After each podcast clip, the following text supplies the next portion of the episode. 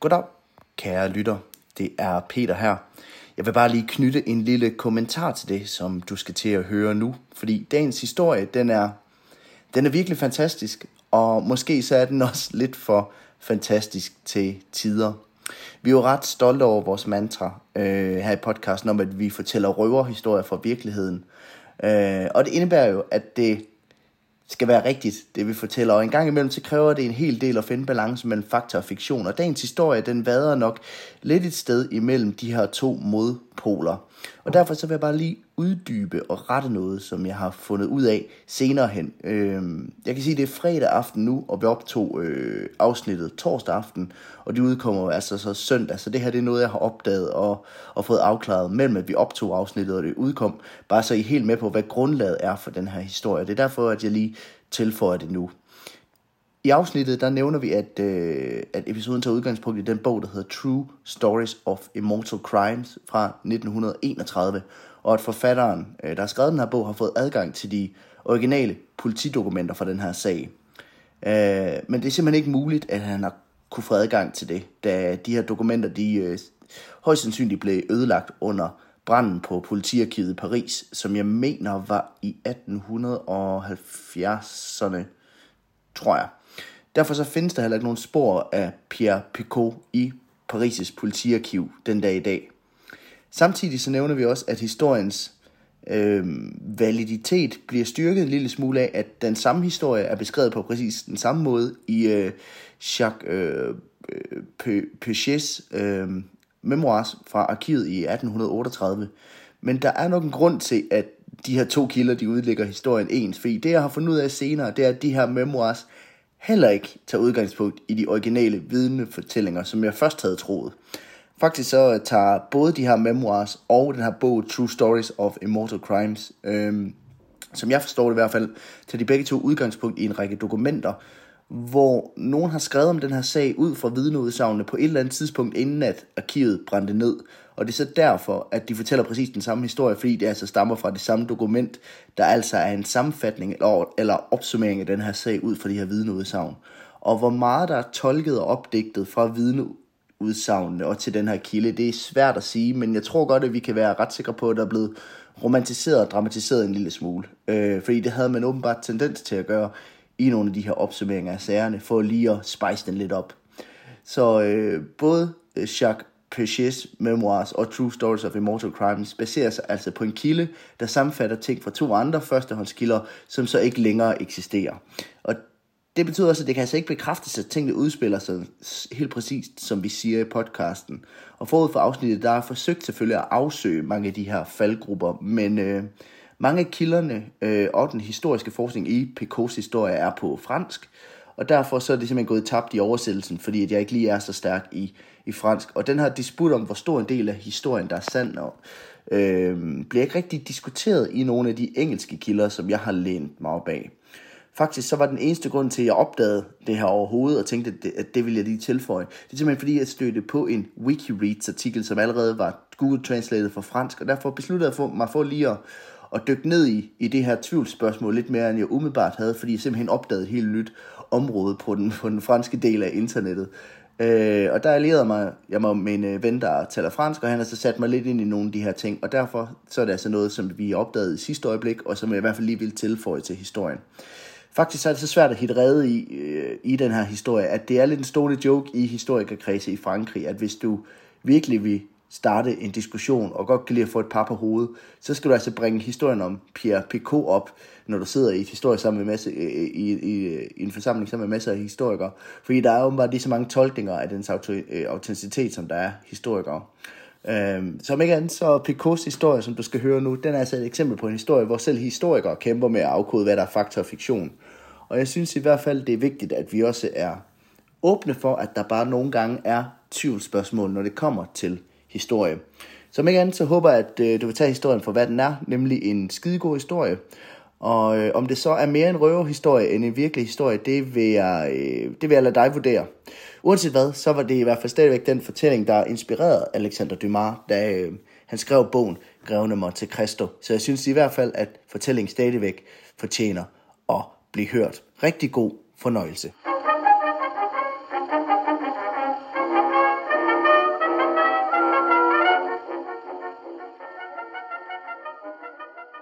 Goddag, kære lytter. Velkommen til Vanvittig Verdenshistorie med mig, Alexander Janku, a.k.a. Jiminy Thunderdome. Og jeg hedder som altid Peter Løde. Det gør du. Og Og nu og det er farede du lige med et champagne propskud. vi klassisk uh, propskud, lige præcis.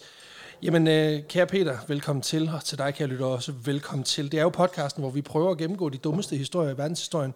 Ja. Øh, egentlig lidt i jagt på den vildeste og dummeste, Ja. men med nogle Har vi fundet den endnu? Nej, nej, nej det tror jeg ikke. Kommer vi til at finde den? Formentlig ikke. men, øh, men, men, Men spørg os igen om 200 afsnit. præcis, præcis. Øh, vi skal øl i glassen, og øh, i dag der drikker vi endnu en gang øl fra det kære bryggeri Cantillon. Ja. Og øh, Ikke ikke. så stor en flaske, som du, øh, er vant til. så- som du plejer. Nej, Du plejer jo at købe de her, der ligner, det er jo fandme på størrelse med en, med en champagneflaske. lige præcis. Det er en øh, 37,5, er, og det er simpelthen en øl, der hedder Cantillon Gøse Lyrik. Lyrik. Lyrik. Og på flasken kan du prøve at beskrive, hvem har vi der? Der er jo et billede af mig. Ja. Øh, en, en halvtyk mand, øh, der ligger, han er også lidt øh, tyndhåret, ligger i en, øh, en hængekøje Lige præcis. med en god bajer midt på maven. Lige præcis. Det er sådan en, han ligner lidt Obelix. Og det, der er med, med Lyrik her, det er, at det er en... Øh, det er sådan set egentlig Cantillons øh, standard gøse. Altså en øl, som bliver smidt på et fad. Mm. Så, fer- så fermenterer den ligesom over noget tid, og så, tager man, øh, når- så har den ligesom fået noget fadkarakter, så putter man den på flasker. Det, der så sker, det er, at der er nogle gange, når de brygger de her, de her bryg, så går der ret lang tid, inden at øh, den her fermentering begynder. Ja. Og det er det, der så ligesom bliver til en lyrik. Og en lyrik, Lyrik. lyrik er, øh, så vidt jeg ved, flamsk og betyder doven. Og det er simpelthen fordi, at, øh, at den er langsommere i at gå i gang med gæringen, og det skulle så give en anden og mere rund karakter til, til øllet. Hvis du kigger på glasset her, så er den jo også den er noget mørkere end, øh, end den Ja. ja. standard øh, gøs, som vi også har smagt. Og så er der jo et lille karakteristika. Er der noget, du lægger mærke til her? Hvis du ryster den i glasset, Jamen altså, der er jo ikke meget kul. Altså, jeg tænkte faktisk, den virker lidt flad. den er flad. Den er simpelthen flad. Ja. Øhm, og det er jo også, en, en, så vidt jeg forstår, en del af, af lyrik-stilen. Mm. Den, det, det er ikke noget, de kan, de kan ikke rigtig producere det, fordi det er ikke noget, de kan styre. Hvilket okay. Okay. vil sige, at den, den, den bliver produceret, når det her sker. Og sidste gang, jeg forstår, så det var så i 19. Så den her, det er, det er simpelthen øh, 2019-versionen af lyrik. Så vil Altså, jeg ikke have den. Nej, ja. Skål! skål.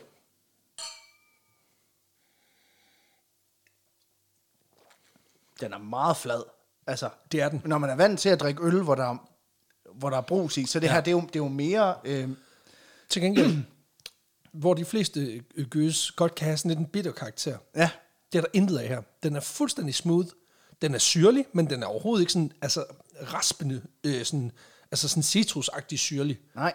Den er sådan, jeg synes egentlig, den er meget glat, og du Jeg har synes lidt også, den, her er meget sådan... Øh, behagelig. Ja. Ja. Men det er klart, det er underligt, når man, når man forventer at få en, altså en, en, en, en, en Det er ikke en grøn boblende- tuborg, det er det ikke. Nej, det, det er det ikke. Men når man forventer at få en boblende oplevelse, Ja. ja. så får det her, så kan jeg godt se, at det, det, det virker underligt. Men det var simpelthen lyrik. Øhm, den er også sådan lidt en, den er lidt mærkelig, fordi der er, der er mange, der søger og, og gerne vil have den her. Det er noget med, at- at der kom vist også en version i 18, som var endnu bedre end den her. okay. Og den, øh, den, den trader også for de der sådan 1.000-1.200 kroner for en flaske. Øh, det gør den der ikke helt, heldigvis. Det er jo en lille flaske, så øh, den den er ikke så dyr. Nej. Nå, Så, spændende. Øh, men øh, det var dagens øl.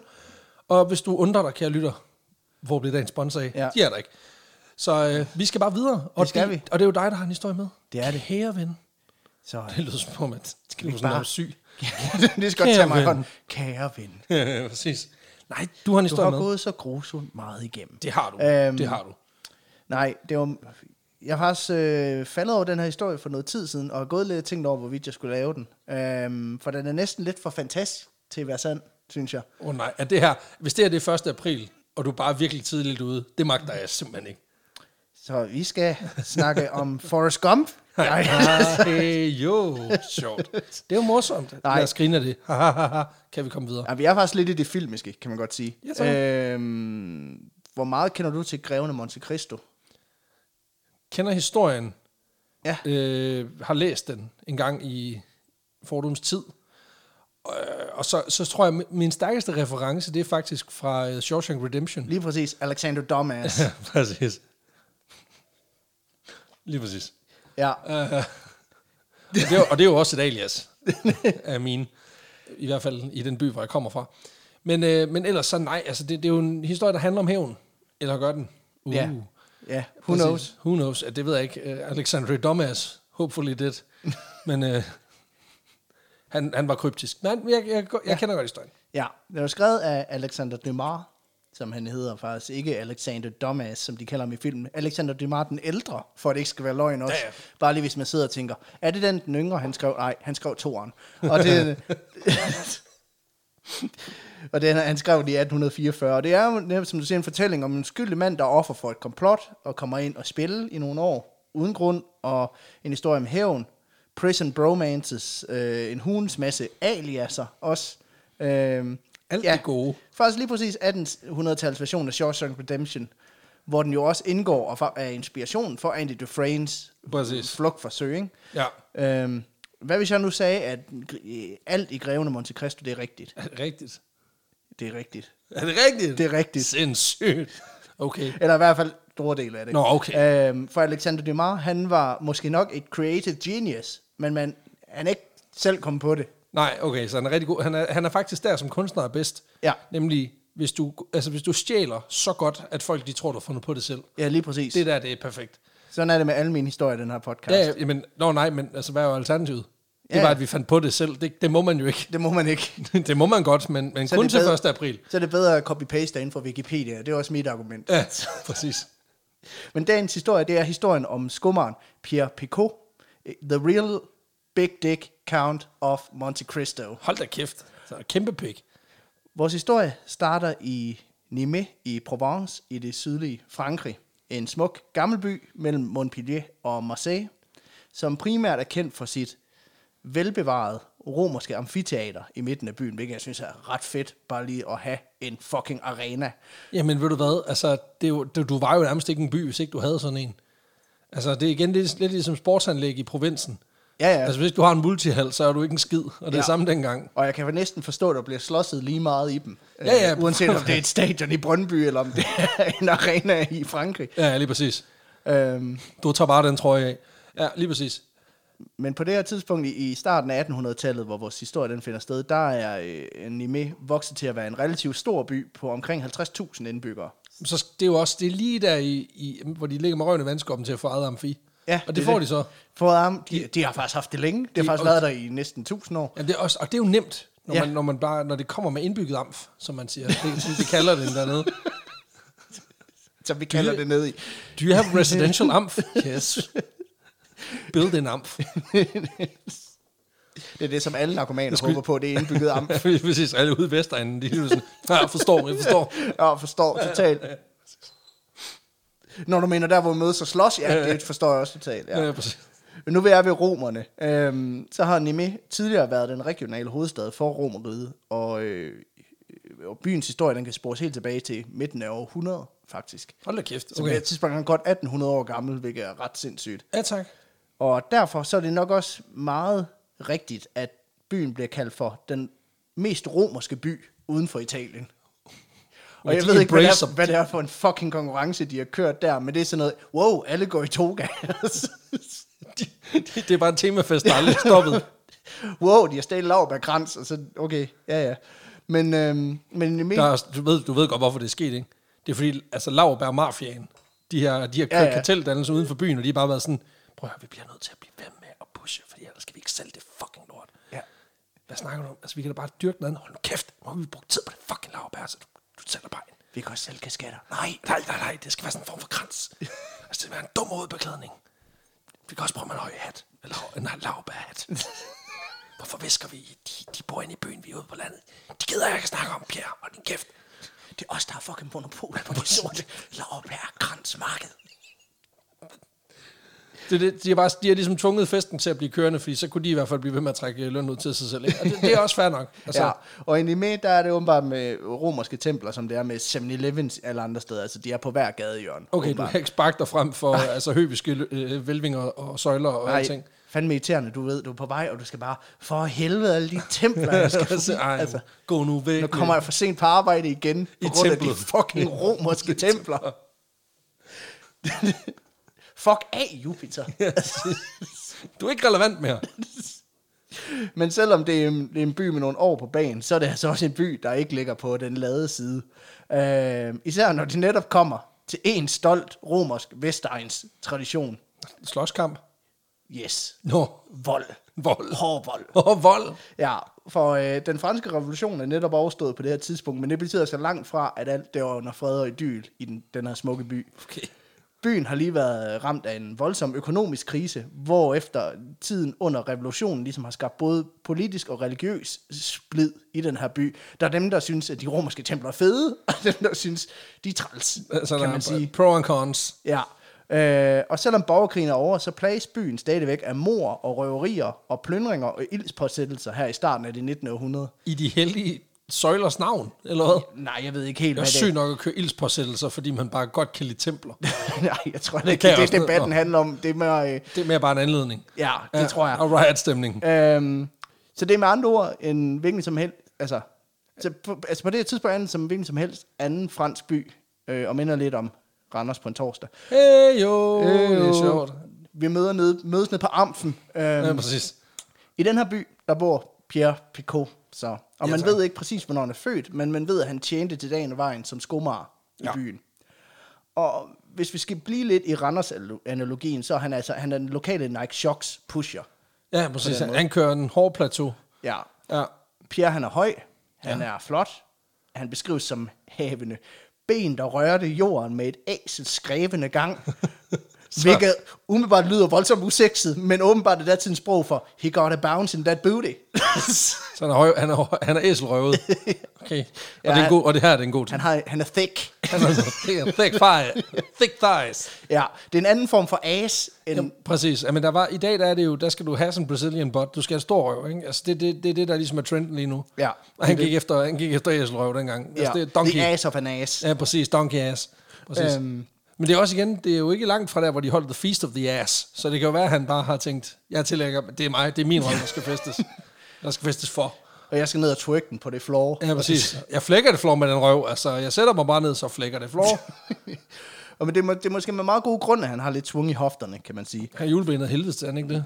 Øh, Jo, det tænker jeg da. Ja, præcis. Øhm, det tænker jeg. Men på den her dag, der er der måske lidt ekstra svung, fordi at øh, det er en sommerdag, og Pierre er på vej ned på kronen for at mødes med fire af sine, jeg vil ikke sige allerbedste kammerater, men det er nogen, jeg tror, det er sådan nogle drikkebuddies, han har. Okay. Så det er sådan, jeg forstår det. Men det, som Pierre han ikke ved, det er, at han er på vej ind i, man kan kalde det en franske revolutionssvar på sådan en form for de nattergale Folmers polterappen-agtig ting. Øhm, for på krogen, der skal han mødes med Antoine Aly og Guillaume Chabert, der øh, begge to er bønder, og Chabert Chabert, der ejer de, de fineste æsler i hele byen, så han ved, hvad han snakker om, når han beskriver Pierre som en, der har Good ass. en god ass. Øhm, Fagmand. og så skal han mødes med Mathieu Lopian, der ejer kronen. Det er ligesom hans drikke. Hans drikkefællesskab. Ja. Og Pierre, han har gode nyheder. Han skal dele med dem, fordi han skal sgu giftes. Nej. Ja. Stag night, eller donkey night. og da han fortæller det til vennerne nede på krogen, så er de netop lidt sådan, de nattergale sådan, uh, da, da, uh, da, da, da, da. Det er så ikke Folmers på larmen, men jeg kører med den alligevel. øhm, og derfor så er Pierre også lidt sådan, jeg giver sgu også en omgang, og så er de sådan, oh, uh, da, da, da, da, da, da. Øhm, og vennerne, de skåler, og de jubler, men de kan heller ikke lige dyse for at spørge, altså Pierre, du har jo ingen penge. Altså, hvem har du overhovedet fået overtalt til at gifte sig med dig?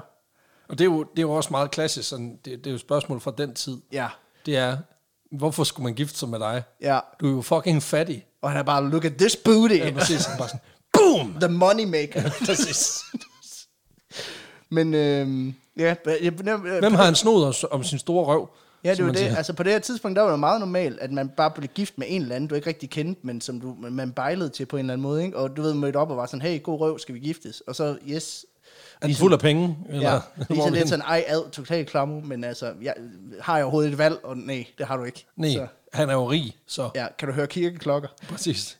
Det, Og- klinker, det starter med, at det er lyden af mønter, der klinger mod hinanden, og så bliver det så til kirkeklokker. ikke? præcis. Ja, det er sådan fade i en film. hvor Ja, ja, det- ja, præcis.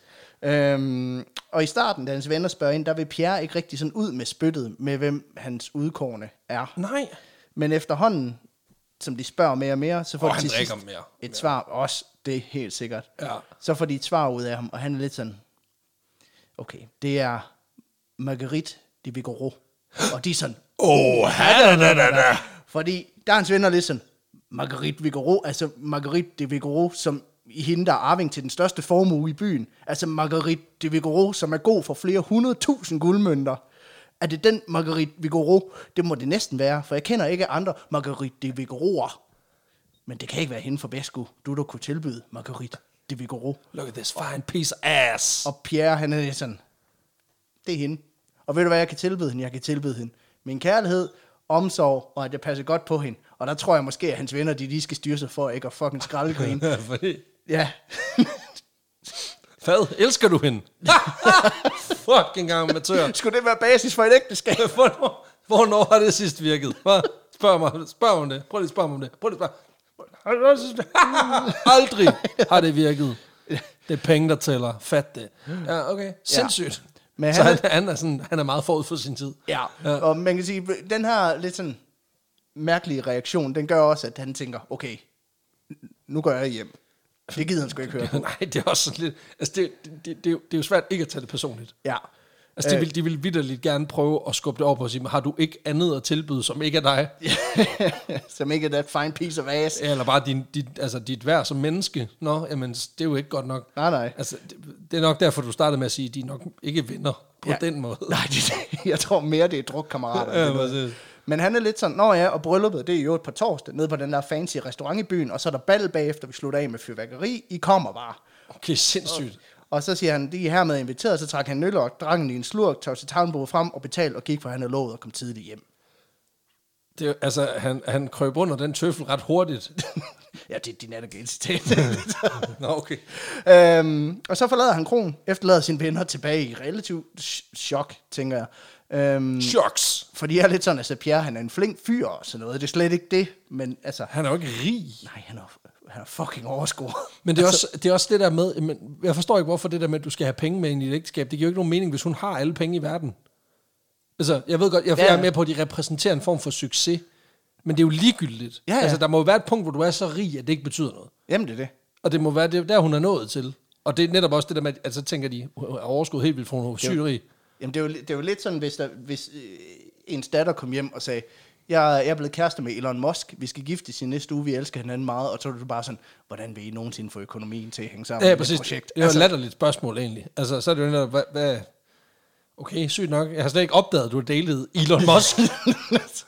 du mener, altså, altså Altså- ham med Tesla'erne, ham ham, med SpaceX. ham der er safe made millionær, efter hans far ejede en diamantmine i Sydafrika, er det den Elon Musk, du tænker på? For jeg kender faktisk ikke andre Elon Musker. ja. Men altså, de er jo sådan, han er en flink fyr, men Marguerite, hun er jo ikke bare den smukkeste pige i byen. Altså, hun er jo, som sagt, god for flere hundrede tusind, plus hun er forældreløs, hvilket betyder, at hun selv ejer alle pengene. Og så er det sådan en parasitan situation, bortset fra Ja. ja. forældrene så er væk. Plus bonus, ikke nogen svigerforældre.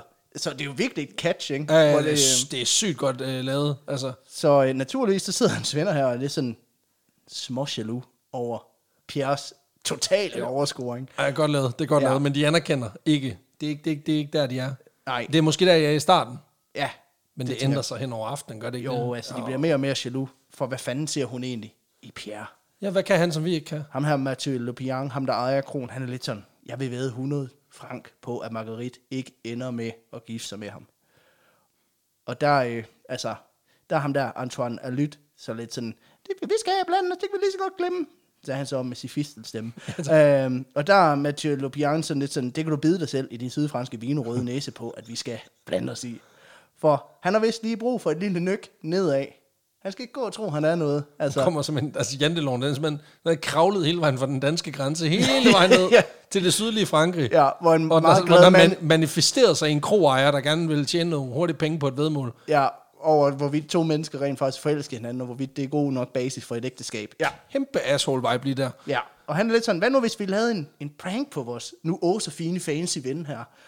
Pierre Picot, han var jo venner med ham der, den engelske maler. Kan I ikke huske ham, der boede her i byen på et tidspunkt? John Forrester, ham der flygtede, da revolutionen den startede.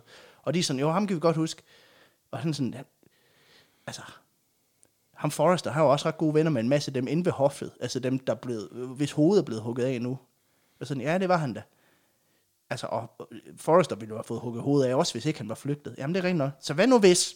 hold nu fast, at vi fortalte politiet, at Pierre i virkeligheden var en enkelt spion, så arresterer de ham. Og så bliver det her bryllup udsat, men nogle dage i hvert fald. Ah, fordi de tænker, de har jo ikke klokkeklare beviser. Nej, Så ryger han lige i detentionen. Haha. og så må vi jo funny. se, om hun elsker ham nok til at vente på, at han kommer ud igen. Ikke? Ah, ja. Ja, og så skålede de alle sammen for, hold kæft, hvor var det sjovt. De skreg og grin. Du var skide hyl. Ja. Ja. Det var pissefint. og den eneste, der ikke skåler, det er ham her, Antoine Aly. For vi skal lige huske, at 1807, det er midt under Napoleonskrigen, og det værste, du kan anklages for i Frankrig på det her tidspunkt, det Det er at er... være engelsk spion. Ja, Det går ikke. Ja. Napoleon does not approve. det er det. Det er øh, på grænsen til landforræderi, hvis ikke det, det er Det er landforræderi. Lands Frederik. Det øhm, og derfor så mener Aly simpelthen, det er, Det er lige grov nok. ah, det er lige nederen nok. Han er, han er jo den der del af Logan Pauls squad, som er sådan lidt... Det er en sjov idé. Jeg tænker, vi holder os ude af den japanske ja. selvmordsskov. Ja, Og der er han sådan, at jeg har brug for en ja-mand her, jeg har ikke brug for en nej-mand. lige præcis. vil du med til Japan, eller vil du ikke med til Japan? Ja. Og Aly, han vil ikke med til Japan, fordi han ender med at forlade Han, siger, kroen. han siger nej tak. Ja, Fan, da, da Mathieu han foreslår det her. Øh, men resten af drengene ombord, de her tre, de synes, det er, det er fucking det er hyggeligt. den fucking fedeste idé, de nogensinde har fået. Så de, altså, De gør det. de går i gang. De går i gang med at lave en polterappen, som han aldrig glemmer. Ej, okay, what an asshole. ja. Ej, hvor er det træls. To dage senere, i midten af april 1807, der er Pierre på vej hjemmefra og på vej ud for at besøge sin trolode, Marguerite. Og øh, da han går på vejen, og det langsomt begynder at blive aften, så kan han pludselig høre nogen hælde ind på ham bagfra. Og inden han når at se sig om, så får han sæk over hovedet, falder ned på jorden og f- bliver bundet på begge arme. Og så løfter de her ukendte gerningsmænd ham fra jorden og smider ham ind i en diligence, der kører væk i en helvedesfart. Nej, og han tænker, oh, det, er det, det lugter af paintball, dårlige sandwiches og stripper. Yes! A.K.A. Pollam i provinsen. Der er ikke noget som smurte mader, blå mærker, og så får lov til at få tæsk af en stripper. I sådan en form for sådan en tornado af piskeslag og, og, og sådan noget flødeskum på dåse. Altså, Nå, men Jeg skulle, altså, jeg skulle lige til at sige, det lyder som om du fortæller noget for din egen polterap, men jeg var med, det skete ikke. det skete ikke. nej, nej, præcis. Vi var bare til Gay Pride, og jeg skulle kramme en masse mennesker, mens jeg havde pandakostyme på. Altså, så på den måde kan man sige, at jeg havde en bedre aften end de Ja. ja. fleste, der er til Ja, ja. ja, ja. i provinsen. Det er det. Ja. Men øh, efter den her nærmest sådan såragtige kidnapning, ja. Ja. så øh, kører den her hestevogn altså afsted, væk fra Nymé, væk fra vennerne på kronen og væk fra Marguerite. Det bliver en polterappen, som han aldrig glemmer, kan man vist godt sige. For da Pierre han vågner efter nogle timer, så begynder det lige så langsomt at gå op for ham, hvad det er, der er sket. For han kan kigge sig omkring og se, at han er i en celle, en lille bitte lortecelle, med en stor tung jerndør i den ene ende, og et tyndt hul i hjørnet, der gør, at han sådan kun pøller og rotter kan komme den vej ud. Øh. Han er sådan, hold kæft, hvis jeg bare var... Hvis bare jeg var vågnet og var, bare var lænket til et, hol- altså til et badeværelse et eller andet sted, og skulle til at save min egen fod af, Ja. havde det bare været det. Ja, Det er det Det ikke. havde været en sjov polterap. Ja, præcis. Hård sår challenge. Ja, det Klassisk. Det, går, jeg tror også, det går lige så langt som op for ham, at det er ikke en polterarm, han er kommet på. Det er han er bare det er et escape room, Ja. ja. og det er et af de helt svære. det, er det. Ja. Øh, han går selvfølgelig i panik, begynder at banke løs på den her dør, og efter noget tid, så åbner en af vagterne til den der lille luge i døren, og er lidt... Og så er det en dementor. Satan, Satans. Ikke igen. så er du jeg Sirius Black nu. Sådan noget lort. Så det er for en askeband. Altså. For helvede. Men øh, ham vagten spørger, hvad fanden vil du? Og Pierre er lidt sådan, øh, lidt kontekst kunne, kunne være meget rart. Okay, okay, to ting. To ting. Et, ud. To, toiletbræt, tak. Og tre, hvorfor fuck er jeg her? Ja. Øhm, jamen, det, altså, der er bare sådan en hul i jorden over i hjørnet. Det- det- det- det mener. Så det er sådan en Asian bathroom. Har du ikke været i de der, hvor man skal stå op? Nej, Nå, nej, nej. Det, er- det, det, det er, vær- jeg har jo været i Asien engang. hvor, undskyld, hvorhen? Øhm, jamen i Viet- Vietnam. Øhm, Nå, okay, sindssygt. Men der har man jo de her toiletter, hvor man skal stå op, og det... Nej, det har, nej, det har man ikke. Det er det, du skal... Du får det til at lyde som... Der har vi de her toiletter. Hvis der ikke er et toilet, så er det ikke et toilet. Jo, jo, fordi der er jo, der er jo altså, det er jo, det er jo, det er jo Nej, sådan et nej. porcelænsbræt, man står på, og så står du jo sådan og, og, og piller og skider ned i. Og nogle gange så sidder du jo også i squat, men, Men, man skal... men det er jo ikke, et- så er det jo, altså det er jo bare, det er jo, det er jo et bræt, så. Det er jo ikke et toilet, det er jo, altså det er, det er fliser. Er det ikke, altså, Jo, du sætter men- dig vel ikke? ja, altså, nej, du- nej, nej, du, du, du Squatter, squatter, eller ja, sådan okay. skræver henover. Okay, Men jeg kan altså der, også- der, er jeg bare ked af at sige, men der, der er jeg team hashtag not a toilet. Ja, okay. Men, men okay, Min fair nok. pointe var bare, de fliser, de kan godt blive glat. Og det er et lille pro-tip, hvis man skal den vej over. øhm, Lige lægge noget pa- papir ud. ja. Anti-slip, skridsikker papir. Men vagten her i hvert fald, han, han lukker bare lugen igen, uden at give Pierre svar på Han får ikke noget, han får ikke noget svar. Og så sidder Pierre jo der, mutters alene, uden at vide, hvor han er, eller hvorfor han er der. Det eneste, han ved, det er, at han ikke hører til, der hvor han er, og at han egentlig gerne bare vil hjem til Marguerite. Ja. Det, som Pierre han ikke ved, er, det er, at han er ret langt hjemmefra. Øhm, Okay. Meget langt, faktisk. Okay. For den her 3 kvadratmeter store celle, der er blevet hans nye hjem- Tre? Ja, som er ud fra, hvad- så, så bliver den beskrevet som... at Han, Det er ikke ret meget. Nej, for han er nemlig indespærret på det, der hedder Fenestrelfortet, og der øh, har jeg set billeder af de her celler, der er omkring Ja, ja, øh, ja. 3 kvadratmeter, så jeg tænker, det er noget af det, han har været indespærret Ja, i. Øh, ja. Og den her, det her fort, det ligger ved Torino i det nuværende Italien. Øh, Det er langt. Det er, det er virkelig langt væk. Virkelig langt. Og det er oprindeligt konstrueret til at beskytte vejen øh, mellem herredømmet øh, Savoyen og det franske rige. Og øh, faktisk så er det her for datidens ekvivalent til, jeg vil sige Alcatraz, men det er faktisk lykkedes nogen at flygte fra Alcatraz, så det er ikke den bedste sammenligning. Nå, så det er faktisk værre end Ja, Alcatraz. Det, ja, nu, bra- nu bragte du Escape Room op før, det tror jeg er mere passende, end ligesom at være i Escape Room med mig, fordi at, kom aldrig ud, du er fucked. Det er bare fordi, du er ikke sådan en... Du løser ikke noget. Du, du, fucker, du gør tingene sværere. Ja, vi sulter ihjel. Ja, Du, du begynder bare at flytte rundt på ting. Ja, ja. Gør det, svæ- altså, du arbejder modsat. Det er også hver gang, fordi hver gang nogen de skal, tæ- skal tælle et eller andet, eller sige, sige nogle tal højt, som man jo skal i escape room, så er jeg jo den irriterende type, der ikke kan dybe mig for lige at stå... 34, stå- stå- 56. stå- ja, 28, 32, 85. Og jeg skal... Ba- banan krydslig. Ja, præcis. Nu ved jeg jo godt, hvad der kommer til at ske. Der vil jo være nogle få altså sadister af vores lyttere, som tænker, hvis vi kunne få de der to assholes ind i et escape room, Ja. det vil vi gerne se, og I kan glemme det. Ja. Det kan jeg lige så godt sige med Jeg det håber, I kan lide podcasten, men der vil ikke komme flere afsnit. samme. Præcis, bare. Nå, ja, okay, men øh, hvad skete der med de der to podcast De sidder den der nede i relativt, Præcis, den der relativt succesfulde podcast. Nå, men de er stadig lidt spadet ind i et eller andet escape room i Vejle, så ja. Ja. den får man nok ikke at se for dem.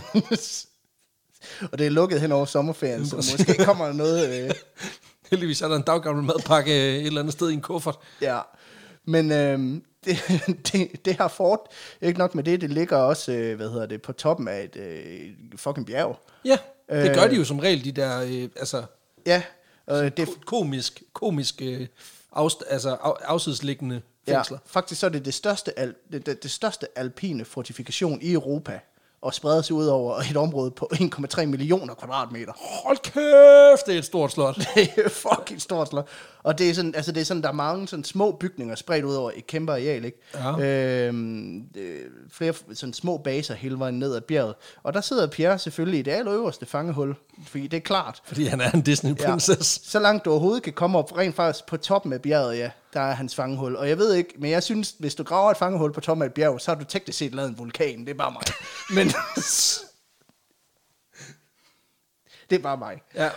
Øhm, Og han vurderer, kigger ud, tænker, det her, det er ikke, øh, det er ikke Red Bull Cliff Diving. Jeg skal Nej, Nej, ikke bede om det her. Det Det kommer til at gå af helvede til. Ja, det her. præcis. Øh, men der sidder han så mutters alene, og dagen efter, der prøver han igen at få fat på vagten, og Jamen, han skal jo gå op af alle trapperne helt nedefra, så han er sådan lidt, hvad ved du? vil bare have svar igen. Ja, men han vil have svar på de her rimelig relevante spørgsmål, som, hvor er jeg? Hvorfor er jeg her? Hvem fuck er I? ja, præcis. Alt det der. Og igen bliver han afvist af vagten. Nej, for det er røvelsagtigt. Så han prøver igen dagen efter. Øh, jeg tænker, han banker på øh, med sådan en kop, måske. Øh, så man lige kører mellem trammerne. Og igen får han ikke svar på sit spørgsmål. Nej. Dagene går, og langsomt så mister Pierre også lidt overblik over, hvor lang tid han overhovedet har været i det her fangehul. Ja. På et tidspunkt så er ren frustration, der ender han faktisk med at overfalde en vagt, der er gået ind i hans celle for at give ham mad. Øh, og det ender med, at vagten får tilkaldt hjælp, og Pierre han er så afkræftet, at de simpelthen bare gennemtæsker ham inde i cellen. Nå. Øh, som var han et støvet tæppe, der har været en rigtig slem dreng. Og på grund af det her overfald, der ender de faktisk med at sætte ham fast i væggen med sådan en kæde i en Nej. Ja. Det er next level i escape room. Det har jeg altså ikke bedt om. Nej, så kan han sidde der og Og tænk, visne. og, tænk, og tænk lidt over det. Tænk Ja. ja.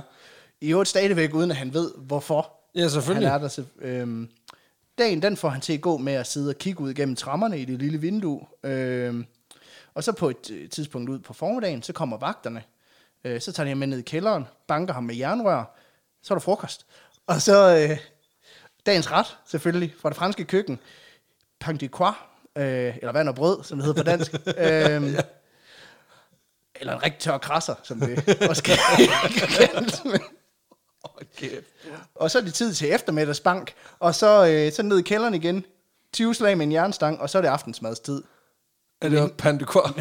Pandekvar, det, Altså, du på en eller anden måde, ikke? også så får du sådan en seminardag i DR til at lyde sådan sådan meget ens med det her. ja. Bortset fra, at det er så et spørgsmål om, hvorvidt det verbale tæsk er en øh, mellemledertype, eller om det er det, er det her tæsk med jernrør. Ja. Altså, jeg kan Men lige forestille meget mig, hvad, så betaler min, sens, min licenspinde gladeligt. at det, siger og det er noget, vi giver til hinanden. Men øh, ja, men så er det på hovedet i seng, når det er overstået, fordi altså, du skal være klar til i det- morgen. Til i morgen. Til morgenbanken. Vi har et tæt pakket program af tæsk og lov. Nej, Oh, det da. Oh, det da. da. Øhm, hold kæft. Det er en, ej, det er et træls liv. tilbage ind i med, der går rygterne selvfølgelig også ret hæftigt oven på det her. Øh, fordi da Pierre han ikke mødte op som aftalt, så valgte Marguerite at tage hjem til Pierre for lige at finde ud af, hvor fanden han blev af. Og der mødte hun ikke andet end en lukket dør. Og efterhånden, som dagene de går, uden han dukker op, så begynder rygterne jo at svige om, at han er blevet anholdt, eller han er blevet fundet død, eller et eller andet. Ikke? Ja, ja, ja. Og de her venner, der stod bag den her Prank. venner i gåsetegn og prank i gåsetegn, de øh, sværger over for hinanden, at de ikke vil afsløre noget for nogen som helst. Om, Ah, så det er sådan den klassiske me- altså, som mediefase-film Ja. ja. fra 2G, hvor det er sådan, nogle venner gør noget, der er vildt forbudt, og så begynder den store kamp internt om, vi har lovet at holde kæft, Ja. ja. men der er en, der ikke kan holde på lige hemmeligheden. præcis. Lige ja. præcis. Og det er Antoine Ly. Ja, selvfølgelig. Han har jo allerede meldt sig ud, før de gik i gang med at planlægge det her. Ja, han sagde, jeg vil ikke rådes ind i det her, og jeg sladrer og i øvrigt også. Og øh, det løser de tre andre ved lige at, prøv at høre, snakke med ham om, hvorfor det er en god idé. Og de har alle argumenterne. De har højre og venstre, og, Og venstre jernrør og og højre, jern- og venstre ben jernrør. og højre ben og jernrør. Øh, for de gennemtæver ham lige for at få se, ham til at holde sin kæft omkring den her løgn, de har fortalt til myndighederne. Om, Hold op. Ja. Og efterhånden som en Altså tid... den her prank, ikke også? Jo, Jeg begynder at være i tvivl om, hvorvidt det er en prank. Altså, det, jeg, det, jeg tænker bare, at parametrene for, for, hvad der er en prank, har flyttet sig. ja. Altså, men det, det bliver... For hver dag, der går, bliver det sværere og sværere for dem, når Pierre dukker op og være sådan lidt... Fool you! altså, der tog vi godt nok røven på dig, hva'? Ja, det gjorde vi. Godt nok. Kan du huske, da du fik knøbelsuppe på, 100, på dag nummer 183? Mm. Ja, det var lige der, hvor vi tænkte, nu trækker vi stik Michael lige 30 dage mere. Jeg skal lige høre, har I fået noget godt at spise i det mindste, på det her seminar? Ja, Øh, præcis. men ja, Ej, efterhånden, hvor er det sindssygt. efterhånden som tiden går, så glemmer folk jo også lidt Pierre i byen. Ja. Øh, om, ma- ja, han bliver mere sådan en mytologisk figur, figur, ham der engang forsvandt, og så går der lige her rygter om, hvor han egentlig er blevet af, og nogen mener, de har set ham forskellige steder og sådan noget, ikke? Så nu begynder det at blive, du ved, der begynder at blive spillet Mark Knopflers Irish Boy, mens der er nogen, der siger, hvert år er der 50 danskere, der forsvinder. Ja. ja så han bliver bare en del af forsvundne franskmænd. Ja, han kommer bare bag på en mælkekarton, og det er Nogen sådan, bliver aldrig fundet. Det Det er er ja, okay, stakkels, stakkels mand. Ja. Det er ikke en skæbne, nogen har bedt om. det er det bare ikke. og Pierre selv, han begynder også selv at danne alle mulige teorier, for han ved stadigvæk ikke, hvorfor han fucking er indespærret i Dol Guldur. Altså, og det kommer han til at tænke ret meget over. Ja, det forstår jeg sgu da godt. Altså, For der går to år, før han Ej, får det. at vide. okay, Jesus Christ. Altså, jeg synes, når Subi, han havde det hårdt, ham her, han er lige en tak op, hold da kæft. Ja, og det sker simpelthen ved, at en vagt lige pludselig under den her daglige workout session, øh, hvis man kan kalde det det, Kom til at tale over hvor sig. de styrker hans kår med en jernstang i maven, Hold op. øh, han lige kommer til at udspørge ham om, hvilke oplysninger han egentlig har givet til englænderne. Og han er sådan, Og, kælder en glas? ja, og han er bare det sådan, Englænder. Nå, England. Nå, okay. Nå, I tror, jeg er spion. Okay, fair nok. Han Så synes, falder ja. brækkerne ligesom på plads for Nå, nå, Pierre. okay. Ja, hvilket er meget sjovt, fordi hans egen krop ligner et puslespil lidt på det her tidspunkt. okay. men, det er sådan. men der indser han, at nogen ligesom har angivet ham for at være spion. Og han har faktisk også en masse teorier til, hvem det kunne være, men han kan jo ikke bevise noget som helst. Nej, øh, altså, han kan faktisk nærmest ikke noget som helst. Nej, Nej. så den dag, da han kommer tilbage i cellen, der er han rimelig pist. Ikke så meget, fordi han har fået tæsk, bare fordi han har fundet ud af, at der er nogen, der har angivet ham for noget, han ikke har gjort. Det må også være sådan en klarsyn, det der med, at okay, nu, nu forstår jeg godt, hvorfor de tæver mig, fordi de tror jo, jeg er engelsk spion, jo. Men det er stadig fucked up, men, men nu forstår jeg i det mindste deres motivation. Ja, okay, sindssygt. og det er jo, det er jo fedt, når man får tæsk, at du dagen efter kan kigge ham i øjnene og være sådan, jeg forstår godt, hvorfor du gør det her. Det er ikke din skyld. Jeg forstår For godt, satan. hvorfor- ja. Ej, det gør nas. ja, jeg ved godt, du tror, jeg har været en slem dreng. Det har, altså, det er jo den værste bed. Det, det er virkelig et avanceret BDSM-leg. yes. ja. Jeg ved godt, du tror, at jeg tror, du tror, at jeg har været en slem dreng, men i virkeligheden er jeg faktisk overhovedet ikke været en slem dreng. Er, øh, er stopordet, er det stop? det er jo et engelsk ord. Hvorfor siger du det? Men øh, ja, han sidder i sil- selv nu. Han er pist. Det eneste, der holder ham kørende, det er ligesom mindet om hans dejlige margarit, derhjemme. Ja. Øh, men nu ved han, at det li- hele ligesom på en eller anden måde handler lidt om hende. Der er nok nogen, der ikke har været interesseret, at han gifter sig med den her meget øh, fine kvinde. Ja. Men vi ved også alle sammen, at snitches get stitches. Ja, så der er, det er ikke sikkert, at der er nogen, der gør. Nå, nej, okay. Ja. Så det kan godt være, at Pierre han er udsultet, og hans hår det er blevet sådan et gråt og tyngt. Til gengæld, så skal der fucking hævn til. Der skal rulle pækhoved. Ja, den dag, der beslutter han sig for at hævne sig på, hvem end det er, der har fucking angivet ham til myndighederne. Den er også svær, ikke? Altså scenen, hvor han rejser sig op, kigger op mod himlen, og så skal råbe et navn, men han aner ikke, hvem det er, så det bliver... Somebody! Ja, og vi ved jo, at det er Pierres venner, der har forrådt ja, ja. ham, ikke? Det er også kan nemt at sidde her 100, 200 år bagefter. man, ja, men så kan man måske også godt tænke, at Pierre han kunne godt have brug for nogle, nogle nye venner. Ja. Yeah. Og det får han faktisk også. Øh, Ja. ja. For da Pierre han har siddet tre år i isolation, så s- øh, sidder han pludselig en dag og gumler i noget af det her lækre brød, øh, han har fået serveret, da han bemærker, at det smager sådan lidt underligt. Åh oh, nej. Øh, og han spytter ud, og så ser han, at inde i brødet, der ligger der en lille seddel, som en eller anden form for kinesisk lykkekage, på en eller anden måde. Ja. Øh, det er ikke en forudsigelse derinde i, eller er et bare et kinesisk spørgsmål. ordsprog. Det, selvom der godt kunne have stået, at friend is only a knock away. Fordi på den her seddel, der står der essentielt set, hej, jeg sidder inde i cellen ved siden af. Skal vi tale sammen? Og han er sådan... Oui, oui. Ja, det er sådan en form for lykkekage-tinder-besked, ikke? Ja, ja, præcis. Øhm, Øhm. Swipe right. Ja.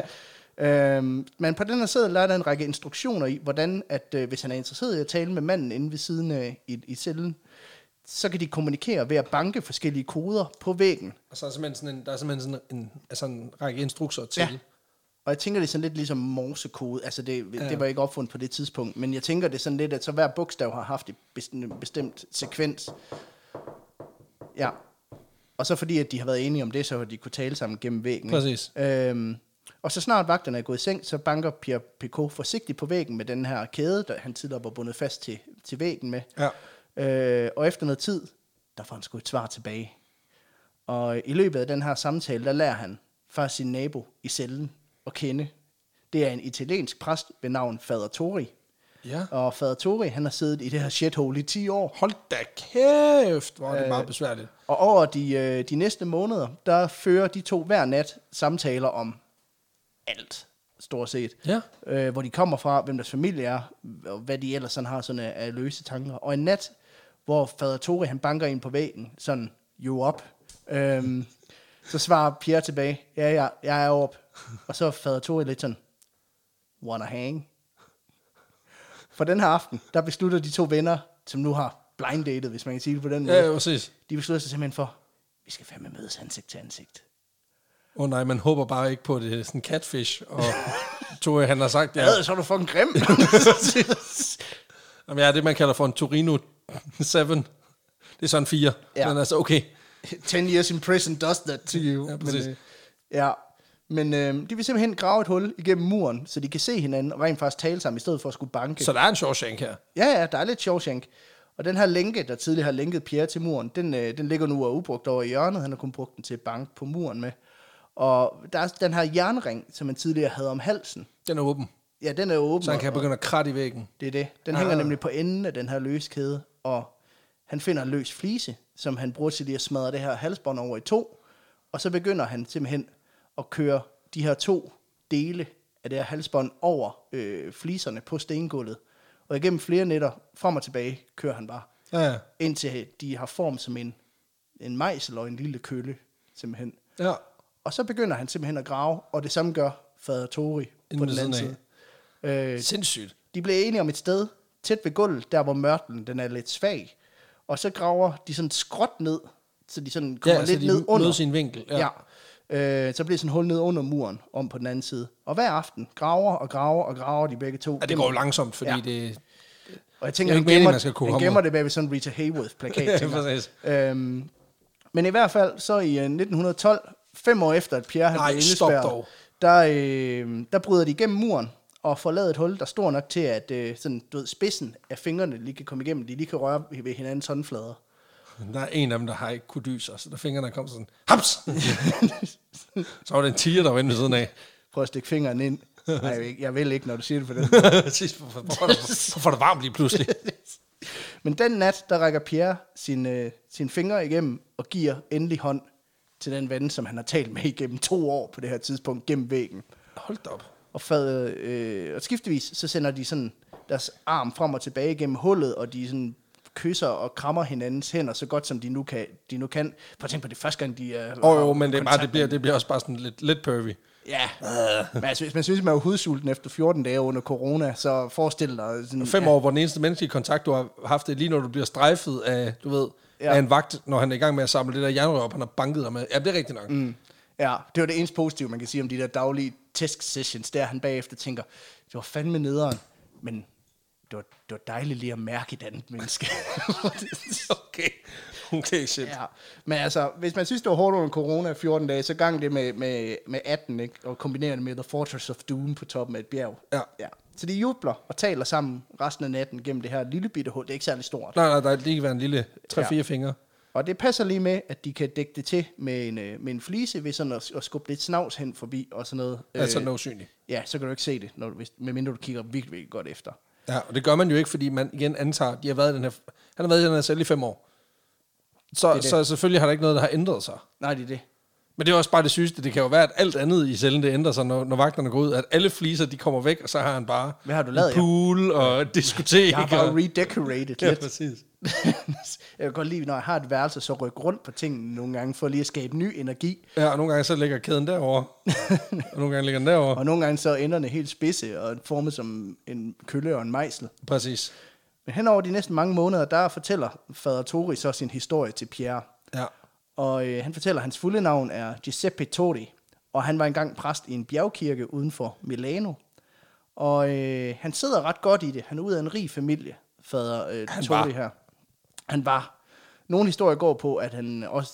Ja, der er nogle historier, der går på, at han har været med til at planlægge et røveri, og som så- han så er blevet knaldet for, og det er derfor, han er der, og det er også derfor, han er en holden mand. Men det, det er mere sådan en, en rygte ting. Okay. Øh, Tolis egen for- historie er, at hans storebror Carlo er prins i Milano, og øh, han er gået konkurs og har derfor forlangt at, øh, at få øh, fader Tolis del af familiens Af arv.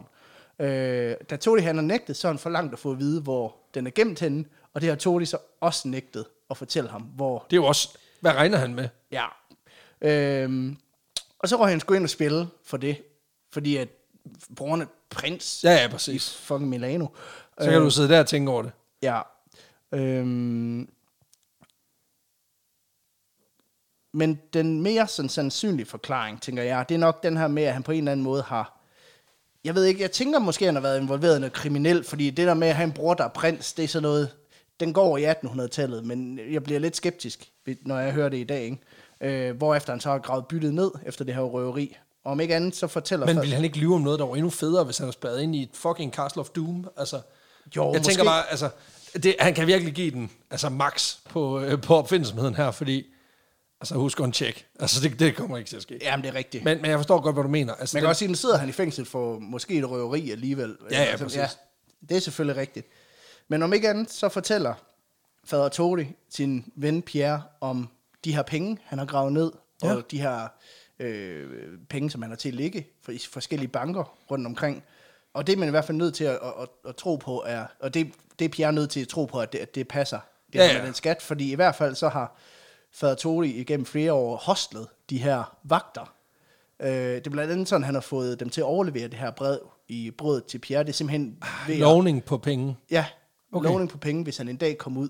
Øh, Okay, så han begyndte at sælge aktier, futures i sin, Ja. ja. i sin formue. Det er det. Og derudover så har han for eksempel også fået arrangeret, at han sådan relativt ofte får skiftet sengetøj. Øh, at han dagligt får en flaske vin. Okay, okay, hvad så luksus? Og også at han får lidt medicin og en flaske sprut en gang imellem. Hold da kæft, mand. simpelthen ved at bestikke de her vagter. Så han er en holdenmand, fader Tori. Det kan Pierre jo se på, på På det her sporten. luksusliv, som han lever på. En flaske vin om dagen, det er alligevel også, altså... Ja, hvad fanden skal du lave? Så sidder han bare der, Erik brænder den derinde. Sindssygt nok. og nogle af de her glæder, dem deler han så også med Pierre gennem muren. Altså blandt andet så, øh, så drypper han et, eller dypper han et stykke stof fra sit øh, fine, nyskiftede sengetøj ned i det her, den her flaske med sprut, og så sender han det igennem hullet. Så kan han sutte sprutten. Ja, sådan en form for halvfærdig molotov-cocktail. Så kan de, altså, og så kan Ej. Pierre sutte lidt på den. Ej, hvor lækkert. Og da Pierre han bliver ramt af feber, så giver fader Tori ham også noget af sin medicin, sådan noget Ja. ja. pulver. Øhm, og på den måde, så bliver det næste år i fangenskab sådan lidt mere overkommeligt for Pierre. Fordi han ved, der er Picot. sprudt, der er sprudt ind i væggen. Ja, han er selskab. Han går til køren på en kombination af at sutte smerten væk i et øh, i sprut, og så tage hæftig medicin. Så øh, i 1913, da Pierre han har været indespærret i godt seks år, der vågner han en sen nattetime til lyde inden fra den anden side af væggen. Så for helvede. En form for væsen. Og da han Så var det en tiger alligevel. Da han kigger igennem hullet, er det ikke en tiger, han kan se. Men han kan se, at fader Tori ligger på den anden side og gispe efter vejret. Åh oh, nej. Øh, og i dagene forinden, der har han været ramt af sygdom, og nu er Pierres værste frygt ved at blive til virkelighed. Nemlig, Han at er ved at dø. Hans eneste ven i det her lortested er ved at dø. Ja. Og han kan ikke gøre noget som helst ved det. Det Nej. eneste, han kan, det er at kigge ind igennem et lille bitte hul på en døende mand. Nej, det er også lort. Øh, det, Ja, for han kan jo heller ikke s- sige noget, så afslører han jo, at Jamen det er det, han kan jo ikke øh, alarmere, fordi hvor fanden skulle han vide fra ham inde ved siden af, han, øh, han er ved at dø. døende. Ja. Øhm, han kan selvfølgelig række hånden igennem hullet, og det gør han også, for lige at holde den gamle præsts hånd, øh, mens han ånder Overgår ud. til efterlivet. Men da Pierre han ryk- rækker hånden igennem, så ligger Tore et stykke papir i hånden på ham, og er sådan, pas godt på det. Og da Pierre han folder det ud, så kan han se, at der på papiret er listet en række banker, hvor fader Tores formue i guldmønter ligger gemt. Hold da kæft. Og der er et håndtegnet kort af området omkring Milano, hvor der med nogle krydser er markeret, hvor øh, familiens diamantskat er gemt. Okay, okay, sindssyg arv, han lige kører der. Det er jo ikke- det er et fucking skattekort. Han Han har tager, fået. okay. Og nederst, der står der så, at fader Tore, han Der overlad, står Chico Chigalpa, står... der står simpelthen, han overlader hele sin formue til Pierre. manden i væggen. Ja, en formue på mere end en million guldmønter. Hold da kæft, mand, det er mange guldmønter. Det er fucking mange guldmønter.